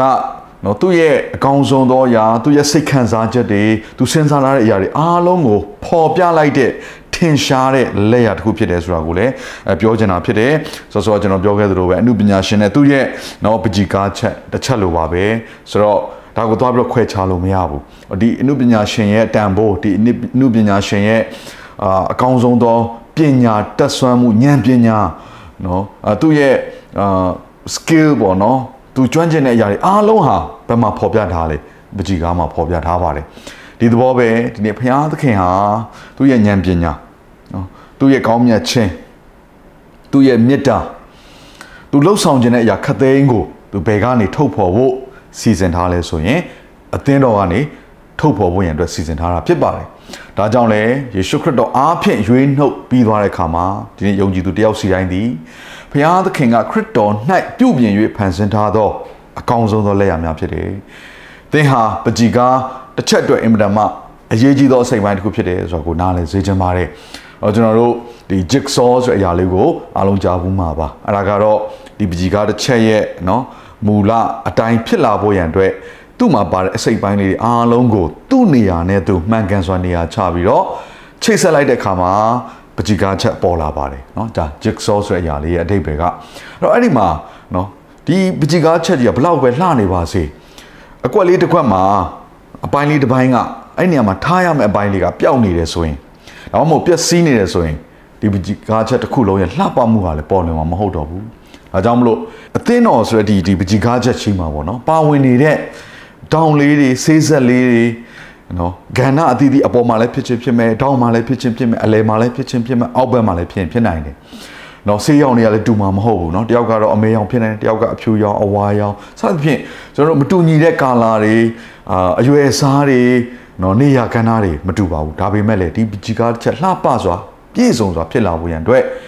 အဲ့ဒီပကြီကားချက်ထဲမှာပါတဲ့ အရာခတ်သိမ်းဟာအရေးကြီးပါတယ်ဒီလိုပါပဲဘုရားသခင်ရဲ့ပြုပြင်ဖန်ဆင်းထားသောနော်ဒီလက်ရတော်ဖြစ်တဲ့အသင်းတော်ထဲမှာသင်ဟာဘယ်နေရာမှာပဲရှိရှိအရေးကြီးတယ်ဆိုတာကိုလည်းနားလည်ဖို့ဖြစ်ပါတယ်ဒါဟာဘုရားသခင်ရဲ့ဉာဏ်ပညာဖြစ်တယ်နော်ဘုရားသခင်ကသူ့အတွက်မလိုအပ်ဘူးဆိုတဲ့အရာမရှိပါဘူးเนาะသူ့အတွက်အားနည်းတယ်ဆိုတဲ့အရာမရှိပါဘူးเนาะသူ့အတွက်အယောင်အသွေးတွေလူမျိုးတွေခွဲခြားထားဆိုရမရှိပါဘူးအရောက်စီတိုင်းဟာ အရေးကြီးတယ်တန်ဖိုးရှိတယ်ဆိုတော့ကိုဒီနားလည်ဖို့ရအတွက်အသင်းတော်ကိုသူကထုတ်ဖော်လိုက်တာဖြစ်တယ်။ဒါကြောင့်အိပက်ခန်းကြီးတော့ငယ်30မှာအဘဲကြောင့်နိဟုမူကငါတို့သခင်ယေရှုခရစ်ကိုအကြောင်းပြု၍ထာဝရအကြံတော်ရှိသည်နှင့်အညီကောင်းကင်အရတ်တို့၌အထွတ်မြတ်အာနာဇတ်တို့သည်ဘုရားသခင်ထူးဆန်းသောပညာတော်ကိုအသင်းတော်အားဖြင့်ယခုသိရမည်အကြောင်းဒီဘုရားသခင်ဘယ်သူလဲဘုရားသခင်ဘလောက်တော်လဲဘုရားဉာဏ်ပညာဘလောက်ထိကြီးမားလဲဆိုတဲ့အရာကိုကြည့်ဖို့ရန်အတွက်ဘယ်မှာသွားကြည့်ရလဲဆို အသင်းတော်မှာသွားကြည့်ရတယ်။အဲကျွန်တော်တို့ကတော့ဘုရားသခင် position လက်ရာတွေကိုကျွန်တော်ကြည့်လိုက်တဲ့အခါမှာအရန်အံ့ဩကြတယ်မိန်မောကြတယ်နော်။အာတက်ရှိတက်မယ်တွေပေါ့ဒီအရာခက်သိမ်းအယောင်သွေးစုံလင်စွာအဖြစ်ကျွန်တော်တို့ကြည့်တဲ့အခါမှာအော်ဘုရားသခင်ကြီးမြတ်ပါလား။စကြဝဠာကြီးကိုကြည့်တဲ့အခါမှာဘုရားသခင်ကြီးမြတ်ပါလား။ဒါပေမဲ့နှုတ်ကပတ်ကျမ်းစာတော်ထဲမှာကြတော့ဘုရားသခင်ရဲ့ဉာဏ်ပညာကိုတဲ့ဘုရားသခင်ကထုတ်ဖော်ဖို့ရန်အတွက်ဘာကိုသုံးလဲဆိုရင်အသင်းတော်ကိုသုံးတယ်။ဒါကြောင့်မလို့ဒီနေ့ကျွန်တော်တို့ရဲ့အပြင်မှာ တွေ့ရသမျှဖန်ဆင်းတဲ့လက်ရာတွေအားလုံးထက်ပိုပြီးတော့လှပသောစုံလင်သောဘုရားသခင်ဉာဏ်ပညာကို အထင်ရှားဆုံးပေါ်ပြနိုင်သောနေရာသည်အသင်းတော်ဖြစ်ပါတယ်နော်တော့ကဘာမြေကြီးလည်းမဟုတ်တော့ဘူးစัจ java ကြီးလည်းမဟုတ်နေလည်းမဟုတ်တော့ဘူးကျယ်တွေလည်းမဟုတ်တော့ဘူးကျွန်တော်တို့အဲ့ဒါတွေကိုကြည့်တဲ့အခါမှာအံ့ဩတယ်မိန်မောတယ်တွေ့ဝေတယ်ဒါပေမဲ့ဒီလောကမှာရှိတဲ့လူတွေအားလုံးဟာတဲ့သူတို့အားလုံးမိန်မောတွေ့ဝေရမယ်နေရာတဲ့နေရာကတော့ အသင်းတော်ဖြစ်တယ်အဲ့ဒီလိုပဲအထွတ်မြတ်အာနာစက်တွေလို့ခေါ်တဲ့ကောင်းငင်တကိုမှောင်မိုက်ကလည်းအံ့ဩမိန်မောတွေ့ဝေရတဲ့ຢာဘာလဲဆိုရင်အသင်းတော်ပဲဖြစ်တယ်ဒါဟာကျွန်တော်တို့အင်မတန်မှနည်းနည်းနှုတ်ကပတ်တော်ဖြစ်ပါတယ်เนาะကျွန်တော်တို့ကတော့အပြင်ကဖန်ဆင်းတဲ့လက်ရာတွေကိုကြည့်ပြီးတော့အံ့ဩမိန်မောကြတယ်ဒါပေမဲ့ net soul နဲ့မှောင်မိုက်တကိုကတော့အသင်းတော်ကိုကြည့်ပြီးတော့အံ့ဩရတယ်မိန်မောရတယ်။အော်တမန်တော်ဝတ္ထုအခန်းကြီး၄ငယ်73မှာဒီလိုရေးပါတယ်။ထိုသူတို့သည်ပေတရုနှင့်ယောဟန်တို့၏ရဲရင်ချင်းတက်တီကိုမြင်၍ လူတက်မဟုတ်လူသားမညတာဖြစ်သည်ကိုသိမှတ်သဖြင့်အံ့ဩ၍နေကြ၏။အဲ့ဒါဟာပေတရုနဲ့ယောဟန်ကိုနော်တမန်တော်ဝတ္ထုအခန်းကြီး2မှာအသရှင်တော်ဝိညာဉ်တော်ကအသင်းတော်ကိုပထမဦးဆုံးချိန်တက်ရောက်လာတဲ့အဖြစ်ဖြစ်ပေါ့နော်။ဒါရှင်တော်ဝိညာဉ်တော်တက်ရောက်လာတဲ့အခါမှာနေအရင်တော့ကသူတို့မြင်ခဲ့တဲ့ပေတရုမဟုတ်တော့ဘူး။ အရင်တော့ကသူတို့သိခဲ့တဲ့ယောဟန်မဟုတ်တော့ဘူး။ဒီလူတွေဟာနော်ပညာတတ်တွေမဟုတ်ဘူး။ဒီလူတွေဟာနော်လူသားမန်တွေပဲဖြစ်တယ်ဘလို့ဖြစ်လို့နော်သူတို့မှာအဲ့ဒီရရင်ချင်းသက်တီအဲ့ဒီဉာဏ်ပညာတွေရှိနေတာလေဆိုတာကိုမြင်တဲ့အခါမှာအံ့ဩကြတယ်။မိန်မောတွေ့ဝေသွားကြတယ်။ဒါကြောင့်မလို့ဘုရားသခင်ဟာအသင်းတော်ကိုတိဆောက်တဲ့အခါမှာနော်လူတွေအရန်ထင်ကြီးတဲ့အာပညာတတ်တွေအရန်ကြွယ်ဝချမ်းသာတဲ့ပုံကိုယ်တွေကိုတခါအရင်ဆုံးရွေးချယ်ပြီးတော့လှုပ်ဆောင်တာမဟုတ်ပါဘူး။နော်ဒါကတော့လူတွေလိုက်ရှာတဲ့အရာဖြစ်တယ်။ လူတွေကတော့သူတို့အထင်ကြီးတဲ့အရာလေးစားတဲ့အရာအိုးဉာဏ်ပညာကြီးမားပါပဲလို့စဉ်းစားမယ်ဆိုရင်သူတို့အကြီးမားဆုံးသောတက္ကသိုလ်တွေအောင်မြင်ဆုံးသောနာမည်အကြီးဆုံးသောနေရာတွေမှာလိုက်ရှာပါလိမ့်မယ်။သို့တော်လည်းပဲဘုရားသခင်ကတော့အဲ့ဒီလူတွေအံ့ဩသွားအောင်မိန်မောသွားအောင်သူတုံးတဲ့သူတွေကတော့စင်ရတော်သူနော်ပညာရေးမှာအားနေသောသူတွေလူအမြင်မှာမဖြစ်နိုင်ဘူးလို့ထင်တဲ့လူတွေကိုအသုံးပြုပြီးတော့သူ့ရဲ့ဉာဏ်ပညာကိုထို့လူတွေကတဆင့်ဖော်ပြတာဖြစ်တယ် အဲ့ဒါအသင်းတော်လို့ခေါ်ပါတယ်ဆိုတော့ကျွန်တော်ဒီကျမ်းစာလေးကိုလည်းဖတ်ချင်ပါတယ်တကောခန်းကြီး1 26ကနေ29မှာဖြစ်တယ်ညီကိုတို့သင်တို့ကိုခေါ်တော်မူခြင်းအကြောင်းအရာကိုဆင်ញင်ကြလော့ခေါ်တော်မူသောသူတို့တွေလောကီပညာရှိအများမပါထင်ရှားသောလူကြီးအများမပါမင်းအမျိုးအနွယ်ဖြစ်သောသူအများမပါဘုရားသခင်သည်ပညာရှိတို့ကိုရှက်ကြောက်စေခြင်းကလောကီယာ၌မိုင်မဲသောသူတို့ကိုကြွေးကောက်တော်မူ၏အစွမ်းတတ္တိရှိသောသူတို့ကိုရှက်ကြောက်စေခြင်းကလောကီယာ၌ အားနည်းသောသူတို့ကိုကြွေးကောက်တော်မူ၏မြတ်သောသူတို့ကိုရှက်ကြောက်စေခြင်းကလောကီယာ၌ဆင်းရဲသောသူမရေရာသောသူရုပ်သောသူတို့ကိုရွေးကောက်တော်မူ၏ထို့ကြောင့်ဘုရားသခင်ရှေ့၌အဘယ်သူမျှဝါကြွားစရာအကြောင်းမရှိဘုရားသခင်ရွေးတဲ့လူတွေကိုဒီနှုတ်ဘတ်တော်ထဲမှာသိစင်ကျင်ကြည့်ပါအကယ်၍သင်ဟာဒီလိုအမျိုးသားတွေမှာပါနေတယ်ဆိုရင်ဘုရားကတင့်စီကနေတဆင့်သူဟာဘယ်လောက်ထိကြီးမြတ်လဲသူရဲ့ဉာဏ်ပညာကိုဖော်ထုတ်ချင်တာဖြစ်တယ်အဲ့တော့ ဒီယုံညံ့ခြင်းနဲ့မရေရာခြင်းနဲ့ဆင်းရဲခြင်းနဲ့ပညာမတတ်ခြင်းနဲ့နော်လူရဲ့အမြင်မှာအာကြီးတယ်လို့မထင်ရတဲ့အခြေအနေထဲမှာဘုရားဟာပြုတ်ပြင်းပုံသွင်းဟင်းကနေတဆင့်အရင်ကနဲ့မတူသောအသက်တာကိုရလာတဲ့ခါမှာအော်ဒီလူတွေရဲ့အသက်တာဘလို့ပုံစံနဲ့နော်ဒီလိုကြီးမြတ်လာတာလဲဒီလိုဉာဏ်ပညာတွေနဲ့ပြည့်စုံလာတာလဲဘာကြောင့်ဒီလူရဲ့အသက်တာဒီလိုပြောင်းလဲလာတာလဲလို့လူတွေကတွေးပြီးတော့မြင်ပြီးတော့ထိုကြီးမြတ်သောဘုရားအသက်ရှင်သောဘုရားကိုချီးမွမ်းကြလိမ့်မယ်။ ဒါကြောင့်ဒီရာဟာဒီကမ္ဘာလောကမှာအသင်းတော်ဆိုတဲ့နေရာတနေရာမှာပဲရှိပါတယ်။အကယ်၍အသင်းဟာအသင်းတော်ထဲမှာပါနေတယ်ဆိုရင်ကြိုးပဲ့ချိန်မွားတဲ့အခြေအနေမှာပဲရှိနေပါစေ။သင်အသက်တာမစုံနေတဲ့အခြေအနေမှာပဲရှိနေပါစေ။ဘုရားသခင်ရဲ့ပြုပြင်ပုံသွင်းခြင်းအပြင်အင်တန်မှလှပတဲ့ပကြီကားတစ်ချက်မှာအရေးပါတဲ့နေရာတနေရာကိုသင်ကရရှိမှာဖြစ်တယ်။ရရှိနေတာလည်းဖြစ်တယ်ဆိုတာကိုသဘောပေါက်ပြီးတော့ယေရှုတော်ချီးမွမ်းပါ။သင်ရဲ့အသက်တာဟာယခုအခြေအနေထက်သာ၍ကောင်းစားလာအောင်မယ်။ လူတွေရဲ့အမြင်မှာအံ့ဩစရာမိန်မောတွေ့ဝေစရာဘုရားကိုချီးမွမ်းစရာအကြောင်းတွေရှိလာအောင်မယ်ဆိုတာကိုလည်းဒီနေ့နှုတ်ကပတော်အဖြစ်နားလေစေချင်ပါတယ်လို့เนาะအခုချိန်မှာခဏလောက်ဆုတောင်းရအောင်ဘုရားသခင်ကိုရောကိုယေရှုတင်ပါတယ်ဒီနေ့ခရစ်ယာန်ဘုရားကကျွန်တော်တို့ကိုရွေးတဲ့အခါမှာကျွန်တော်တို့ရဲ့မရေရာတဲ့အခြေအနေတွေယုံညံ့တဲ့အခြေအနေတွေမိမိကိုယ်ပဲအားမရတဲ့အခြေအနေပဲနဲထဲမှာပဲနေကိုတော်ကကျွန်တော်တို့ကိုရွေးကောက်ပြီးတော့ချစ်ပြီးတော့အကောင်းဆုံးပြုပြင် ပုံသွင်းလို့ကိုတော်ကိုယေရှုတင်ပါတယ်ခရစ်ယာန်ဘုရားဘလို့မှမိမိကိုယ်ကိုယ်ပင်စဉ်းစားတဲ့အခါမှာဖြစ်လာနိုင်စရာအကြောင်းမရှိဘူးလို့အခြေအနေအမျိုးမျိုးရရထဲကနေပြီးတော့ကိုတော်ကဉာဏ်ပညာအဖြစ်ပြုပြင်တဲ့ပုံသွင်းတဲ့မေတ္တာအဖြစ်ဆွဲခေါ်တယ်ကိုရောကိုယေရှုတင်တယ်ယနေ့နှုတ်ကပတော်နားထောင်နေသူတယောက်စီတိုင်းအသက်တာမှာလဲသူတို့ရဲ့အသက်တာဟာကိုရောရဲ့အကြံစီတော်ထဲမှာအရေးကြီးသောနေရာကနေနေရာချထားတယ်ဆိုတာကိုသဘောပေါက်ပြီးတော့ယေရှုတော်ချီးမွမ်းစရာအကြောင်းဖြစ်ပါစေအသက်ရှင်သောယေရှုခရစ်တော်၏နာမကိုအမိပြုလျက် ဆုတောင်းဆက်ကြပါ၏ဖဖရားသခင်အာမင်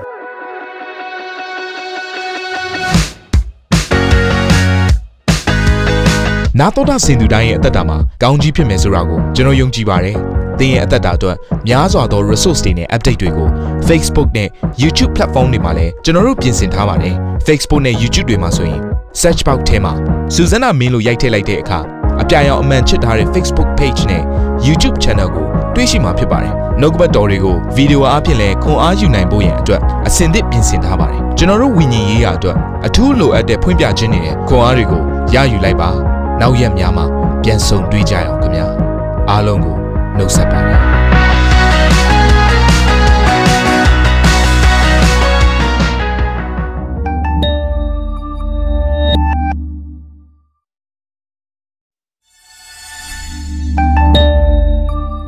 Hello there အားလုံးမင်္ဂလာပါခင်ဗျာတင့်ကိုဆရာစောတီယာနဲ့ဆ iam ဆူဇနာမင်းတို့ရဲ့ Daily Devotion Podcast ကနေနှုတ်ခွန်းဆက်ပါတယ်ဆရာနဲ့ဆရာမတို့ရဲ့အသက်တာမှာတရားရှင်ပြုတဲ့ကောင်းကြီးမင်္ဂလာများစွာရှိပါတယ်အဲ့ဒီအထက်ကပြန်လဲစီးဆင်းတဲ့နှုတ်ကပတ်တော်ကိုဒီနေ့မှနားထောင်ပြီးခွန်အားယူကြမှာဖြစ်ပါတယ်နေ့စဉ်10မိနစ်လောက်အချိန်ပေးပြီးမိမိရဲ့အသက်တာကိုကောင်းကြီးဖြစ်စေမယ်ဘုရားသခင်ရဲ့နှုတ်ကပတ်တော်နဲ့နီးလန်းတွေကိုအတူတကွခံယူကြရအောင်ခင်ဗျာ အားလုံးကိုမင်္ဂလာပါလို့နှုတ်ခွန်းဆက်ပါတယ်ကျွန်တော်တို့တတိယနေ့ရက်အတွက်နှုတ်ကပတ်တော်ကိုဒီနေ့မှာလေ့လာဖို့ဖြစ်တယ်ဒီတစ်ပတ်တာလုံးမှာအသင်းတော်ဆိုတဲ့ခေါင်းစဉ်အဖြစ်နှုတ်ကပတ်တော်ကိုကျွန်တော်တို့လေ့လာနေကြတာဖြစ်ပါတယ်အဲ့တော့တတိယနေ့ရက်အတွက်ခေါင်းစဉ်ကတော့အသင်းတော်ဆိုတာဖန်ဆင်းရှင်ဤအလှပဆုံးသောလက်ရာဆိုတဲ့အဲခေါင်းစဉ်အဖြစ်ကျွန်တော်တို့ဆက်လက်ပြီးတော့လေ့လာကြရအောင်အဲ့တော့အာဖန်ဆင်းရှင်ဤအလှပဆုံးသောလက်ရာလို့ပြောတဲ့အခါမှာ နော်ဒီနေ့လှပတဲ့ပကြီကားတစ်ချက်ကိုပုံဖော်တဲ့အမှုပညာရှင်တစ်ယောက်ကဲ့သို့ဖြစ်တယ်ဘုရားသခင်ဟာအဲ့တော့ဒီအမှုပညာရှင်ကဖန်တီးလိုက်တဲ့နော်လက်ရာဖြစ်တဲ့ပကြီကားချက်ဟာဒီအမှုပညာရှင်ဘယ်သူလဲဆိုတဲ့အရာကိုနော်ဖော်ပြလို့ရတယ်သူဘယ်လောက်ထိစိတ်ဝင်စားလဲနော်သူရဲ့အကောင်းဆုံးသောအရာသူရဲ့တက်ကြွမှုအာရှိသမျှအားလုံးနဲ့သူကအကောင်းဆုံးပုံဖော်ထားတဲ့လက်ရာတစ်ခုဖြစ်ပါတယ်နော်အင်္ဂလိပ်လိုဆိုတော့ masterpiece ပေါ့နော်လူပညာရှင်တယောက်အတွက် သူဆွဲခဲ့တဲ့ပကြီးကားတွေအများကြီးရှိကောင်းရှိနိုင်တယ်ဒါပေမဲ့ဒါကတော့ masterpiece တကယ်ကိုသူ့ရဲ့အကောင်းဆုံးလက်ရာအဲ့တော့အသင်းတော်ဟာလေဖန်ဆင်းရှင်နော်ဖျားသခင်ပြင်ဆင်သောအကောင်းဆုံးလက်ရာတစ်ခုဖြစ်တယ်ဆိုတော့ကျွန်တော်တို့သိဖို့ဖြစ်ပါတယ်အဲ့တော့အိဖက်ခန်းကြီး2အငယ်30မှာဒီလိုရေးထားပါတယ်အဘဲကြောင့်နေဟူမူကားငါတို့သည်ကောင်းသောအကျင့်တို့ကိုကျင့်ရမည်အကြောင်းယေရှုခရစ်၌ပြုပြင်၍ဖန်ဆင်းတော်မူရာဖြစ်ကြ၏ထိုကောင်းသောအကျင့်တို့၌ငါတို့သည် ကျင့်လည်ရမည်အကြောင်းဘုရားသခင်သည်ငါတို့ကို ပြင်ဆင်တော်မူနှင့်ပြီအဲ့တော့အင်္ဂလိပ်လိုဆိုရင်တော့ workmanship ပေါ့နော်ဘုရားသခင်လက်ရာတော်ဖြစ်တယ်ဘုရားပြင်ဆင်တဲ့ရာဖြစ်တယ်နော်ခရစ်တော်၌တဲ့ပြုပြင်၍ဖန်ဆင်းတော်မူရာဖြစ်တယ်လို့ပြောပါတယ်အဲ့တော့တစုံတယောက်သောသူကနော်သူ့ရဲ့အကောင်းဆုံးသောအရာသူ့ရဲ့စိတ်ခံစားချက်တွေသူစဉ်းစားလာတဲ့အရာတွေအားလုံးကိုပေါ်ပြလိုက်တဲ့ ထင်ရှားတဲ့လက်ရာတစ်ခုဖြစ်တယ်ဆိုတာကိုလည်းပြောချင်တာဖြစ်တယ်ဆိုတော့ကျွန်တော်ပြောခဲ့သလိုပဲအမှုပညာရှင်နဲ့သူ့ရဲ့နော်ပကြီးကားချက်တစ်ချက်လိုပါပဲဆိုတော့ဒါကိုသွားပြီးတော့ခွဲခြားလို့မရဘူးဒီအမှုပညာရှင်ရဲ့တန်ဖိုးဒီအမှုပညာရှင်ရဲ့အာအကောင်းဆုံးသောပညာတက်ဆွမ်းမှုဉာဏ်ပညာနော်သူ့ရဲ့အာ skill ပေါ့နော်သူကျွမ်းကျင်တဲ့အရာတွေအားလုံးဟာဘယ်မှာဖော်ပြထားလဲပကြီးကားမှာဖော်ပြထားပါတယ်ဒီသဘောပဲဒီနေ့ဘုရားသခင်ဟာသူ့ရဲ့ဉာဏ်ပညာနော် သူ့ရဲ့ကောင်းမြတ်ခြင်းသူ့ရဲ့မေတ္တာသူလှုပ်ဆောင်ခြင်းတဲ့အရာခတ်သိမ်းကိုသူဘယ်ကနေထုတ်ဖော်ဖို့စီစဉ်ထားလဲဆိုရင်အသင်းတော်ကနေထုတ်ဖော်ဖို့ရန်အတွက်စီစဉ်ထားတာဖြစ်ပါတယ်။ဒါကြောင့်လေယေရှုခရစ်တော်အားဖြင့်ရွေးနှုတ်ပြီးသွားတဲ့အခါမှာဒီနေ့ယုံကြည်သူတယောက်စီတိုင်းသည်ဘုရားသခင်ကခရစ်တော်၌ပြုပြင်၍ဖန်ဆင်းထားသောအကောင်းဆုံးသောလက်ရာများဖြစ်တယ်။သင်ဟာပကြီကားတစ်ချက်အတွက်အင်မတန်မှအရေးကြီးသောအစိတ်ပိုင်းတစ်ခုဖြစ်တယ်ဆိုတော့ကိုနားလည်စေချင်ပါတယ်။အော် ကျွန်တော်တို့ဒီ jigsaw ဆိုတဲ့အရာလေးကိုအားလုံးကြားဘူးမှာပါ။အဲ့ဒါကတော့ဒီပကြီကားတစ်ချက်ရဲ့เนาะမူလအတိုင်းဖြစ်လာဖို့ရန်အတွက်သူ့မှာပါတဲ့အစိတ်ပိုင်းလေးတွေအားလုံးကိုသူ့နေရာနဲ့သူမှန်ကန်စွာနေရာချပြီးတော့ချိတ်ဆက်လိုက်တဲ့အခါမှာပကြီကားချက်ပေါ်လာပါတယ်เนาะဒါ jigsaw ဆိုတဲ့အရာလေးရဲ့အဓိပ္ပာယ်ကအဲ့တော့အဲ့ဒီမှာเนาะဒီပကြီကားချက်ကြီးကဘလောက်ပဲလှနေပါစေအကွက်လေးတစ်ခွက်မှာအပိုင်းလေးတစ်ပိုင်းကအဲ့နေရာမှာထားရမယ့်အပိုင်းလေးကပျောက်နေတယ်ဆိုရင် ဒါမှမဟုတ်ပျက်စီးနေတယ်ဆိုရင်ဒီပကြီကားချက်တစ်ခုလုံးရဲ့လှပမှုကလည်းပေါ်လွင်မှာမဟုတ်တော့ဘူးဒါကြောင့်မလို့အသင်းတော်ဆိုတဲ့ဒီဒီပကြီကားချက်ချင်းမှာပေါ့နော်ပါဝင်နေတဲ့တောင်လေးတွေဆေးဆက်လေးတွေနော်ဂန္ဓအသီးသီးအပေါ်မှာလည်းဖြစ်ချင်းဖြစ်မယ်တောင်မှာလည်းဖြစ်ချင်းဖြစ်မယ်အလယ်မှာလည်းဖြစ်ချင်းဖြစ်မယ်အောက်ဘက်မှာလည်းဖြစ်ဖြစ်နိုင်တယ်နော်ဆေးရောင်တွေကလည်းတူမှာမဟုတ်ဘူးเนาะတယောက်ကတော့အမေရောင်ဖြစ်နေတယ်တယောက်ကအဖြူရောင်အဝါရောင်စသဖြင့်ကျွန်တော်တို့မတူညီတဲ့ကာလာတွေအာအရွယ်စားတွေ နော်နေရကဏ္ဍတွေမတူပါဘူးဒါပေမဲ့လည်းဒီပကြီကားချက်လှပစွာပြည့်စုံစွာဖြစ်လာဖို့ရန်အတွက်အဲ့ဒီပကြီကားချက်တွေမှာပါတဲ့အရာခက်သိမ်းဟာအရေးကြီးပါတယ်ဒီလိုပါပဲဘုရားသခင်ရဲ့ပြုပြင်ဖန်ဆင်းထားသောနော်ဒီလက်ရတော်ဖြစ်တဲ့အသင်းတော်ထဲမှာသင်ဟာဘယ်နေရာမှာပဲရှိရှိအရေးကြီးတယ်ဆိုတာကိုလည်း နားလည်ဖို့ဖြစ်ပါတယ်ဒါဟာဘုရားသခင်ရဲ့ဉာဏ်ပညာဖြစ်တယ်เนาะဘုရားသခင်ကသူ့အတွက်မလိုအပ်ဘူးဆိုတဲ့အရာမရှိပါဘူးเนาะသူ့အတွက်အားနည်းတယ်ဆိုတဲ့အရာမရှိပါဘူးเนาะသူ့အတွက်အယောင်အသွေးတွေလူမျိုးတွေခွဲခြားထားဆိုရမရှိပါဘူး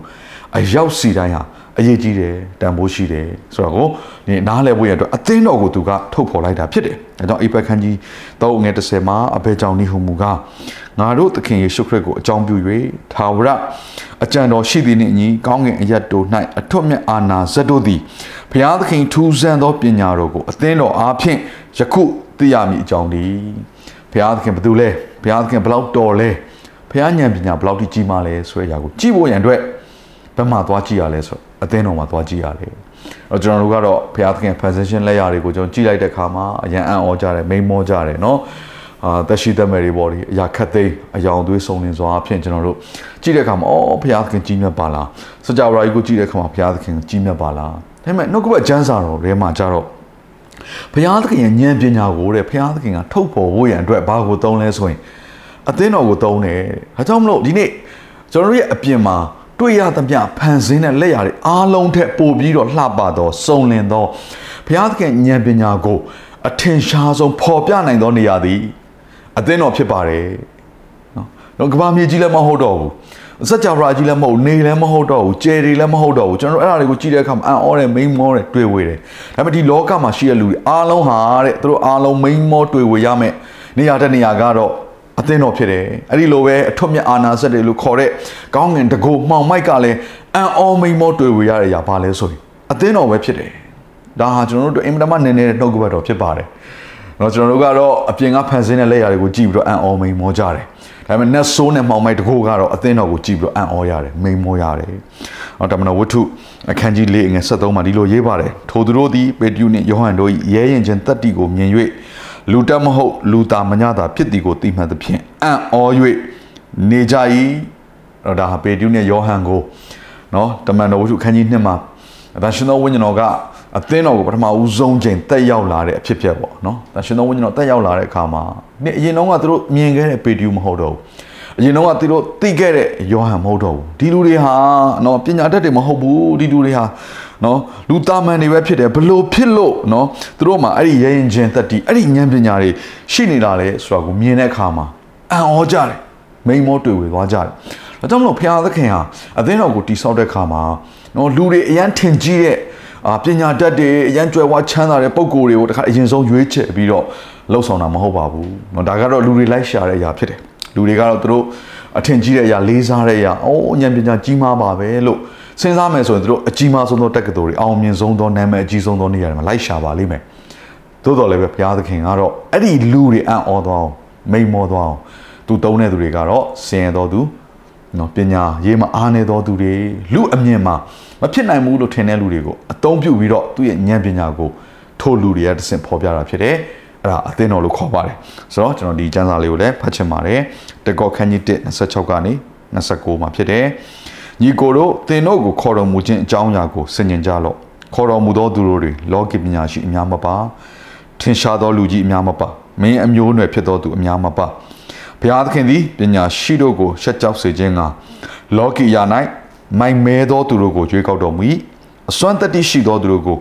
ရှက်ကြောက်စေခြင်းကလောကီယာ၌အားနည်းသောသူတို့ကိုကြွေးကောက်တော်မူ၏မြတ်သောသူတို့ကိုရှက်ကြောက်စေခြင်းကလောကီယာ၌ဆင်းရဲသောသူမရေရာသောသူ ရုပ်သောသူတို့ကိုရွေးကောက်တော်မူ၏ထို့ကြောင့်ဘုရားသခင်ရှေ့၌အဘယ်သူမျှဝါကြွားစရာအကြောင်းမရှိ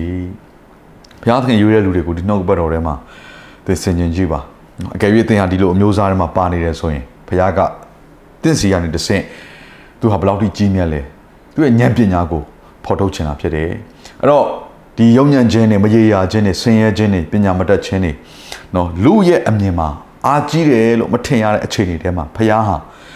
ပြုတ်ပြင်းပုံသွင်းဟင်းကနေတစ်ဆင့်အရင်ကနဲ့မတူသောအသက်တာကိုရလာတဲ့ခါမှာအော်ဒီလူတွေရဲ့အသက်တာဘလို့ပုံစံနဲ့နော်ဒီလိုကြီးမြတ်လာတာလဲဒီလိုဉာဏ်ပညာတွေနဲ့ပြည့်စုံလာတာလဲဘာကြောင့်ဒီလူရဲ့အသက်တာဒီလိုပြောင်းလဲလာတာလဲလို့လူတွေကတွေးပြီးတော့မြင်ပြီးတော့ထိုကြီးမြတ်သောဖခင်အသက်ရှင်သောဖခင်ကိုချီးမွမ်းကြလိမ့်မယ်။ဒါကြောင့်ဒီယာဟာဒီကမ္ဘာလောကမှာအသင်းတော်ဆိုတဲ့နေရာတနေရာမှာပဲရှိပါတယ်။အကယ်၍အသင်းဟာအသင်းတော်ထဲမှာပါနေတယ်ဆိုရင် ကြိုးပဲ့ချိန်မွားတဲ့အခြေအနေမှာပဲရှိနေပါစေ။သင်အသက်တာမစုံနေတဲ့အခြေအနေမှာပဲရှိနေပါစေ။ဘုရားသခင်ရဲ့ပြုပြင်ပုံသွင်းခြင်းအပြင်အင်တန်မှလှပတဲ့ပကြီးကားတစ်ချက်မှာအရေးပါတဲ့နေရာတနေရာကို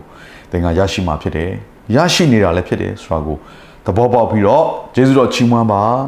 သင်ရဲ့အသက်တာဟာယခုအခြေအနေထက်သာ၍ကောင်းစားလာအောင်မယ်လူတွေရဲ့အမြင်မှာအံ့ဩစရာမိန်မောတွေ့ဝေစရာဘုရားကိုချီးမွမ်းစရာအကြောင်းတွေရှိလာအောင်မယ်ဆိုတာကိုလည်းဒီနေ့နှုတ်ကပတော်အဖြစ်နားလည်စေချင်ပါတယ်လို့เนาะ အခုချိန်မှာခဏလောက်ဆုတောင်းရအောင်ဘုရားသခင်ကိုရောကိုယေရှုတင်ပါတယ်ဒီနေ့ခရစ်ယာန်ဘုရားကကျွန်တော်တို့ကိုရွေးတဲ့အခါမှာကျွန်တော်တို့ရဲ့မရေရာတဲ့အခြေအနေတွေယုံညံ့တဲ့အခြေအနေတွေမိမိကိုယ်ပဲအားမရတဲ့အခြေအနေပဲနဲထဲမှာပဲနေကိုတော်ကကျွန်တော်တို့ကိုရွေးကောက်ပြီးတော့ချစ်ပြီးတော့အကောင်းဆုံးပြုပြင်ပုံသွင်းလို့ကိုတော်ကိုယေရှုတင်ပါတယ်ခရစ်ယာန်ဘုရားဘလို့မှမိမိကိုယ်ကိုယ်ပင်လင်းစဉ်းစားတဲ့အခါမှာဖြစ်လာနိုင်စရာအကြောင်းမရှိဘူးလို့ အခြေအနေအမျိုးမျိုးရရထဲကနေပြီးတော့ကိုတော်ကဉာဏ်ပညာအပြင်ပြုပြင်တဲ့ပုံသွင်းတဲ့မေတ္တာအဖြစ်ဆွဲခေါ်တယ်ကိုတော်ကိုယေရှုတင်တယ်ယနေ့နှုတ်ကပတော်နားထောင်နေသူတယောက်စီတိုင်းအသက်တာမှာလဲသူတို့ရဲ့အသက်တာဟာကိုရောရဲ့အကြံစီတော်ထဲမှာအရေးကြီးသောနေရာကနေနေရာချထားတယ်ဆိုတာကိုသဘောပေါက်ပြီးတော့ယေရှုတော်ချီးမွမ်းစရာအကြောင်းဖြစ်ပါစေအသက်ရှင်သောယေရှုခရစ်တော်၏နာမကိုအမိပြုလျက်ဆုတောင်းဆက်ကြပါ၏ဖဖျားသခင်အာမင်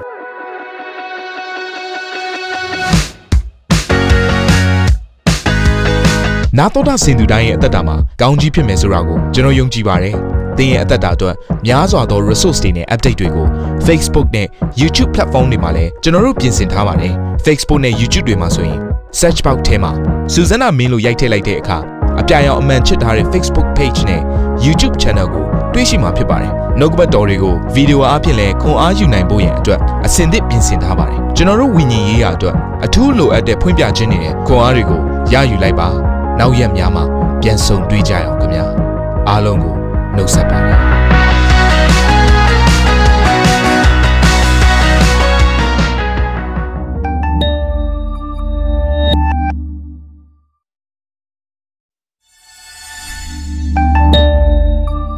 Hello there အားလုံးမင်္ဂလာပါခင်ဗျာတင့်ကိုဆရာစောတီယာနဲ့ဆ iam မဆူဇနာမင်းတို့ရဲ့ Daily Devotion Podcast ကနေနှုတ်ခွန်းဆက်ပါတယ်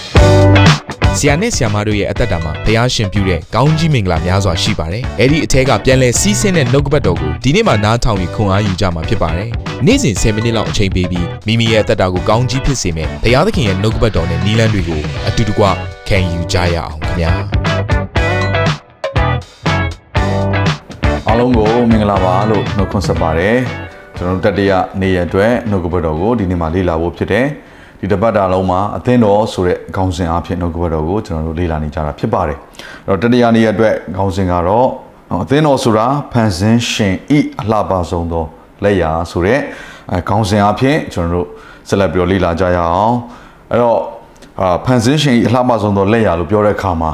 နော်ဒီနေ့လှပတဲ့ပကြီကားတစ်ချက်ကိုပုံဖော်တဲ့အမှုပညာရှင်တစ်ယောက်ကဲ့သို့ဖြစ်တယ်ဘုရားသခင်ဟာအဲ့တော့ဒီအမှုပညာရှင်ကဖန်တီးလိုက်တဲ့ နော်လက်ရာဖြစ်တဲ့ပကြီကားချက်ဟာဒီအမှုပညာရှင်ဘယ်သူလဲဆိုတဲ့အရာကိုနော်ဖော်ပြလို့ရတယ်သူဘယ်လောက်ထိစိတ်ဝင်စားလဲနော်သူရဲ့အကောင်းဆုံးသောအရာသူရဲ့တက်ကြွမှုအာရှိသမျှအားလုံးနဲ့သူကအကောင်းဆုံးပုံဖော်ထားတဲ့လက်ရာတစ်ခုဖြစ်ပါတယ်နော်အင်္ဂလိပ်လိုဆိုတော့ masterpiece ပေါ့နော်အမှုပညာရှင်တစ်ယောက်အတွက်သူဆွဲခဲ့တဲ့ပကြီကားတွေအများကြီးရှိကောင်းရှိနိုင်တယ်ဒါပေမဲ့ဒါကတော့ masterpiece တကယ်ကိုသူ့ရဲ့အကောင်းဆုံးလက်ရာအဲ့တော့အသင်းတော်ဟာလေဖန်ဆင်းရှင်နော်ဖျားသခင်ပြင်ဆင်သော အကောင်းဆုံးလက်ရာတစ်ခုဖြစ်တယ်ဆိုတော့ကိုကျွန်တော်တို့သိဖို့ဖြစ်ပါတယ်အဲ့တော့အိဖက်ခန်းကြီး2အငယ်30မှာဒီလိုရေးထားပါတယ်အဘဲကြောင့်နေဟူမူကားငါတို့သည်ကောင်းသောအကျင့်တို့ကိုကျင့်ရမည်အကြောင်းယေရှုခရစ်၌ပြုပြင်၍ဖန်ဆင်းတော်မူရာဖြစ်ကြ၏ထိုကောင်းသောအကျင့်တို့၌ငါတို့သည်ကျင့်လည်ရမည်အကြောင်းဘုရားသခင်သည်ငါတို့ကိုပြင်ဆင်တော်မူနှင့်ပြီအဲ့တော့အင်္ဂလိပ်လိုဆိုရင်တော့ workmanship ပေါ့နော်ဘုရားသခင် လက်ရာတော်ဖြစ်တယ်ဘုရားပြင်ဆင်တဲ့ຢာဖြစ်တယ်နော်ခရစ်တော်၌တဲ့ပြုပြင်၍ဖန်ဆင်းတော်မူရာဖြစ်တယ်လို့ပြောပါတယ်အဲ့တော့တစုံတယောက်သောသူကနော်သူ့ရဲ့အကောင်းဆုံးသောအရာသူ့ရဲ့စိတ်ခံစားချက်တွေသူစဉ်းစားလာတဲ့အရာတွေအားလုံးကိုပေါ်ပြလိုက်တဲ့ထင်ရှားတဲ့လက်ရာတစ်ခုဖြစ်တယ်ဆိုတာကိုလည်းပြောချင်တာဖြစ်တယ်ဆိုတော့ကျွန်တော်ပြောခဲ့သလိုပဲအမှုပညာရှင်နဲ့သူ့ရဲ့နော်ပကြီကားချက်တစ်ချက်လိုပါပဲဆိုတော့ ဒါကိုသွားပြီးတော့ခွဲခြားလို့မရဘူးဒီအမှုပညာရှင်ရဲ့တန်ဖိုးဒီအမှုပညာရှင်ရဲ့အာအကောင်းဆုံးသောပညာတက်ဆွမ်းမှုဉာဏ်ပညာ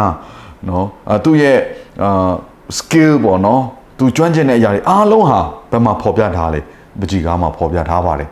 ဒီသဘောပဲဒီနေ့ဘုရားသခင်ဟာသူ့ရဲ့ဉာဏ်ပညာနော်သူ့ရဲ့ကောင်းမြတ်ခြင်းသူ့ရဲ့မေတ္တာသူလှုပ်ဆောင်ခြင်းတဲ့အရာခတ်သိမ်းကိုသူဘယ်ကနေထုတ်ဖော်ဖို့ စီစဉ်ထားလဲဆိုရင်အသင်းတော်ကနေထုတ်ဖော်ဖို့ရန်အတွက်စီစဉ်ထားတာဖြစ်ပါတယ်။ဒါကြောင့်လေယေရှုခရစ်တော်အားဖြင့်ရွေးနှုတ်ပြီးသွားတဲ့အခါမှာဒီနေ့ယုံကြည်သူတယောက်စီတိုင်းသည်ဘုရားသခင်ကခရစ်တော်၌ပြုပြင်၍ဖန်ဆင်းထားသောအကောင်းဆုံးသောလက်ရာများဖြစ်တယ်။သင်ဟာပကြီကားတစ်ချက်အတွက်အင်မတန်မှအရေးကြီးသောအစိမ်ပိုင်းတစ်ခုဖြစ်တယ်ဆိုတော့ကိုနားလည်စေချင်ပါတယ်။အော်ကျွန်တော်တို့ဒီ jigsaw ဆိုတဲ့အရာလေးကိုအားလုံးကြားဘူးမှာပါ။အဲ့ဒါကတော့ဒီပကြီကားတစ်ချက်ရဲ့နော် မူလအတိုင်းဖြစ်လာဖို့ရန်အတွက်သူ့မှာပါတဲ့အစိပ်ပိုင်းလေးတွေအားလုံးကိုသူ့နေရာနဲ့သူမှန်ကန်စွာနေရာချပြီးတော့ချိတ်ဆက်လိုက်တဲ့အခါမှာပကြီကားချက်ပေါ်လာပါတယ်เนาะဒါ jigsaw ဆိုတဲ့အရာလေးရဲ့အဓိပ္ပာယ်ကအဲ့တော့အဲ့ဒီမှာเนาะဒီပကြီကားချက်ကြီးကဘလောက်ပဲလှနေပါစေအကွက်လေးတစ်ခွက်မှာအပိုင်းလေးတစ်ပိုင်းကအဲ့နေရာမှာထားရမယ့်အပိုင်းလေးကပျောက်နေတယ်ဆိုရင်ဒါမှမဟုတ်ပျက်စီးနေတယ်ဆိုရင်ဒီပကြီကားချက်တစ်ခုလုံးရဲ့လှပမှုကလည်းပေါ်လွင်မှာမဟုတ်တော့ဘူး ဒါကြောင့်မလို့အသင်းတော်ဆိုတဲ့ဒီဒီပကြီကားချက်ချင်းမှာပေါ့နော်ပါဝင်နေတဲ့တောင်လေးတွေဆေးဆက်လေးတွေနော်ဂန္ဓအသီးသီးအပေါ်မှာလည်းဖြစ်ချင်းဖြစ်မယ်တောင်မှာလည်းဖြစ်ချင်းဖြစ်မယ်အလယ်မှာလည်းဖြစ်ချင်းဖြစ်မယ်အောက်ဘက်မှာလည်းဖြစ်ဖြစ်နိုင်တယ်နော်ဆေးရောင်တွေကလည်းတူမှာမဟုတ်ဘူးเนาะတယောက်ကတော့အမေရောင်ဖြစ်နေတယ်တယောက်ကအဖြူရောင်အဝါရောင်စသဖြင့်ကျွန်တော်တို့မတူညီတဲ့ကာလာတွေအာအရွယ်စားတွေနော်နေရကဏ္ဍတွေမတူပါဘူးဒါပေမဲ့လည်းဒီပကြီကားတစ်ချက်လှပစွာပြည့်စုံစွာဖြစ်လာဖို့ရန်အတွက်အဲ့ဒီပကြီကားချက်ထဲမှာပါတဲ့ အရာခတ်သိမ်းဟာ အရေးကြီးပါတယ်ဒီလိုပါပဲဘုရားသခင်ရဲ့ပြုပြင်ဖန်ဆင်းထားသောနော်ဒီလက်ရတော်ဖြစ်တဲ့အသင်းတော်ထဲမှာသင်ဟာဘယ်နေရာမှာပဲရှိရှိအရေးကြီးတယ်ဆိုတာကိုလည်းနားလည်ဖို့ဖြစ်ပါတယ်ဒါဟာဘုရားသခင်ရဲ့ဉာဏ်ပညာဖြစ်တယ်နော်ဘုရားသခင်ကသူ့အတွက်မလိုအပ်ဘူးဆိုတဲ့အရာမရှိပါဘူးเนาะသူ့အတွက်အားနည်းတယ်ဆိုတဲ့အရာမရှိပါဘူးเนาะသူ့အတွက်အယောင်အသွေးတွေလူမျိုးတွေခွဲခြားထားဆိုရမရှိပါဘူးအရောက်စီတိုင်းဟာ အရေးကြီးတယ်တန်ဖိုးရှိတယ်ဆိုတော့ကိုဒီနားလည်ဖို့ရအတွက်အသင်းတော်ကိုသူကထုတ်ဖော်လိုက်တာဖြစ်တယ်အဲကြောင့်အိပက်ခန်းကြီး3ငွေ30မှာအဘဲကြောင့်နိဟုမူကငါတို့သခင်ယေရှုခရစ်ကိုအကြောင်းပြု၍ထာဝရအကြံတော်ရှိသည်နှင့်အညီကောင်းကင်အရတ်တို့၌အထွတ်မြတ်အာနာဇတ်တို့သည်ဘုရားသခင်ထူးဆန်းသောပညာတော်ကိုအသင်းတော်အားဖြင့်ယခုသိရမည်အကြောင်းဒီ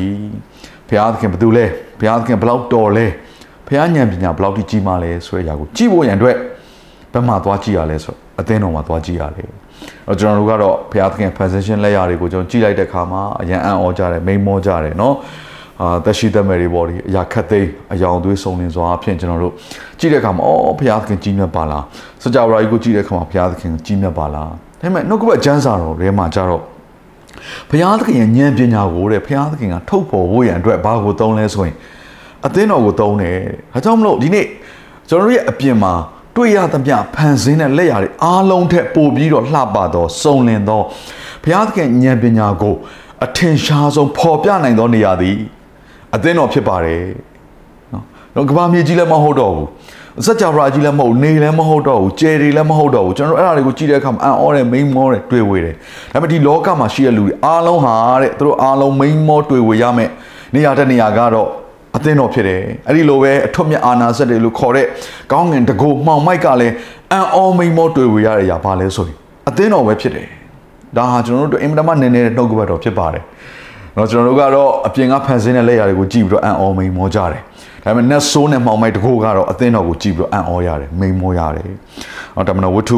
အခန်းကြီး၄ငယ်73မှာဒီလိုရေးပါတယ်။ထိုသူတို့သည်ပေတရုနှင့်ယောဟန်တို့၏ရဲရင်ချင်းတက်တီကိုမြင်၍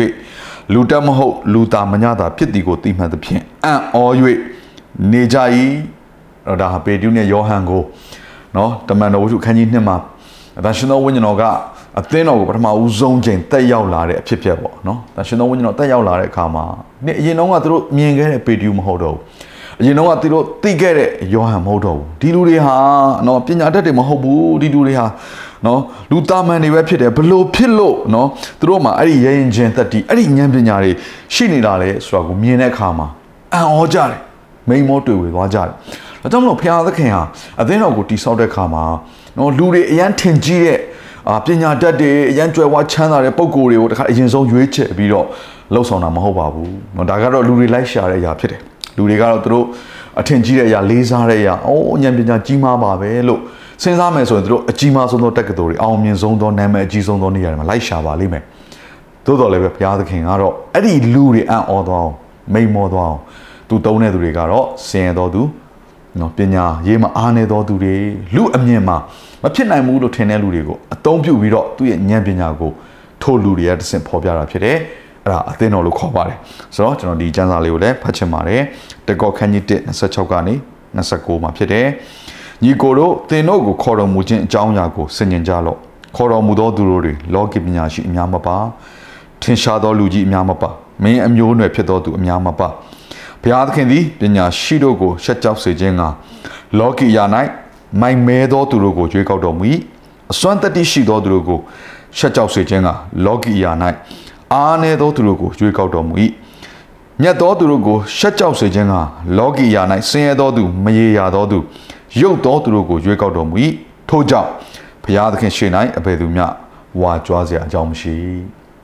ဘုရားသခင်ရွေးတဲ့လူတွေကိုဒီနှုတ်ဘတ်တော်ထဲမှာသိစင်ကျင်ကြည့်ပါအကယ်၍သင်ဟာဒီလိုအမျိုးသားတွေမှာပါနေတယ်ဆိုရင်ဘုရားကတင့်စီကနေတဆင့်သူဟာဘယ်လောက်ထိကြီးမြတ်လဲသူရဲ့ဉာဏ်ပညာကိုဖော်ထုတ်ချင်တာဖြစ်တယ်အဲ့တော့ဒီယုံညံ့ခြင်းတွေမရေရာခြင်းတွေဆင်းရဲခြင်းတွေပညာမတတ်ခြင်းတွေနော်လူရဲ့အမြင်မှာအာကြီးတယ်လို့မထင်ရတဲ့အခြေအနေထဲမှာဘုရားဟာ ပြုတ်ပြင်းပုံသွင်းဟင်းကနေတစ်ဆင့်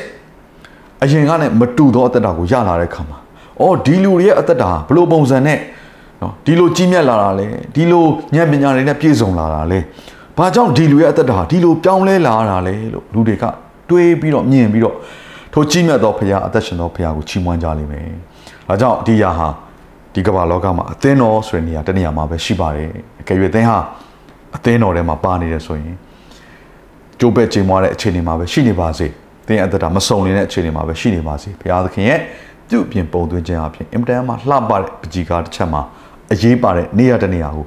သင်ကရရှိမှာဖြစ်တယ်ရရှိနေတာလည်းဖြစ်တယ်ဆိုတာကိုသဘောပေါက်ပြီးတော့ယေရှုတော်ချီးမွမ်းပါ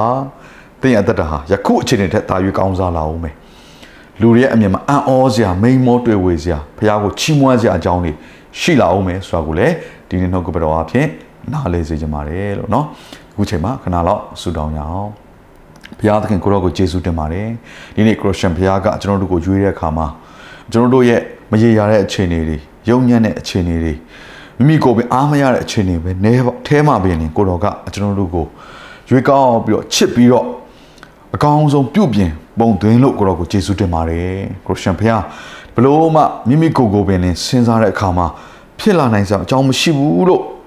အခြေအနေအမျိုးမျိုးရရထဲကနေပြီးတော့ကိုတော်ကဉာဏ်ပညာအဖြစ်ပြုပြင်တဲ့ပုံသွင်းတဲ့မေတ္တာအဖြစ်ဆွဲခေါ်တယ်ကိုရောကိုယေရှုတင်တယ်ယနေ့နှုတ်ကပတော်နားထောင်နေသူတယောက်စီတိုင်းအသက်တာမှာလဲသူတို့ရဲ့အသက်တာဟာ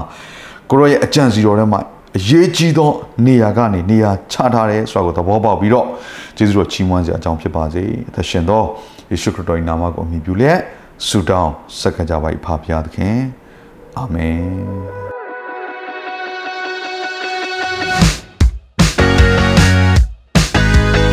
နာတော်တာစင်သူတိုင်းရဲ့အသက်တာမှာကောင်းကြီးဖြစ်မယ်ဆိုတာကိုကျွန်တော်ယုံကြည်ပါတယ်။သင်ရဲ့အသက်တာအတွက်များစွာသော resource တွေနဲ့ update တွေကို Facebook နဲ့ YouTube platform တွေမှာလည်းကျွန်တော်တို့ပြင်ဆင်ထားပါတယ်။ Facebook နဲ့ YouTube တွေမှာဆိုရင် search box ထဲမှာစူဇနာမင်းလို့ရိုက်ထည့်လိုက်တဲ့အခါအပြာရောင်အမှန်ချစ်ထားတဲ့ Facebook page နဲ့ YouTube channel ကိုတွေ့ရှိမှာဖြစ်ပါတယ်။နှုတ်ကပတ်တော်တွေကိုဗီဒီယိုအားဖြင့်လည်းခွန်အားယူနိုင်ဖို့ရန်အတွက်အစင်သစ်ပြင်ဆင်ထားပါတယ်။ကျွန်တော်တို့ဝိညာဉ်ရေးရာအတွက်အထူးလိုအပ်တဲ့ဖွင့်ပြခြင်းတွေနဲ့ခွန်အားတွေကိုရယူလိုက်ပါ။ နောက်ရက်များမှာပြန်ဆုံတွေ့ကြရအောင်ခင်ဗျာ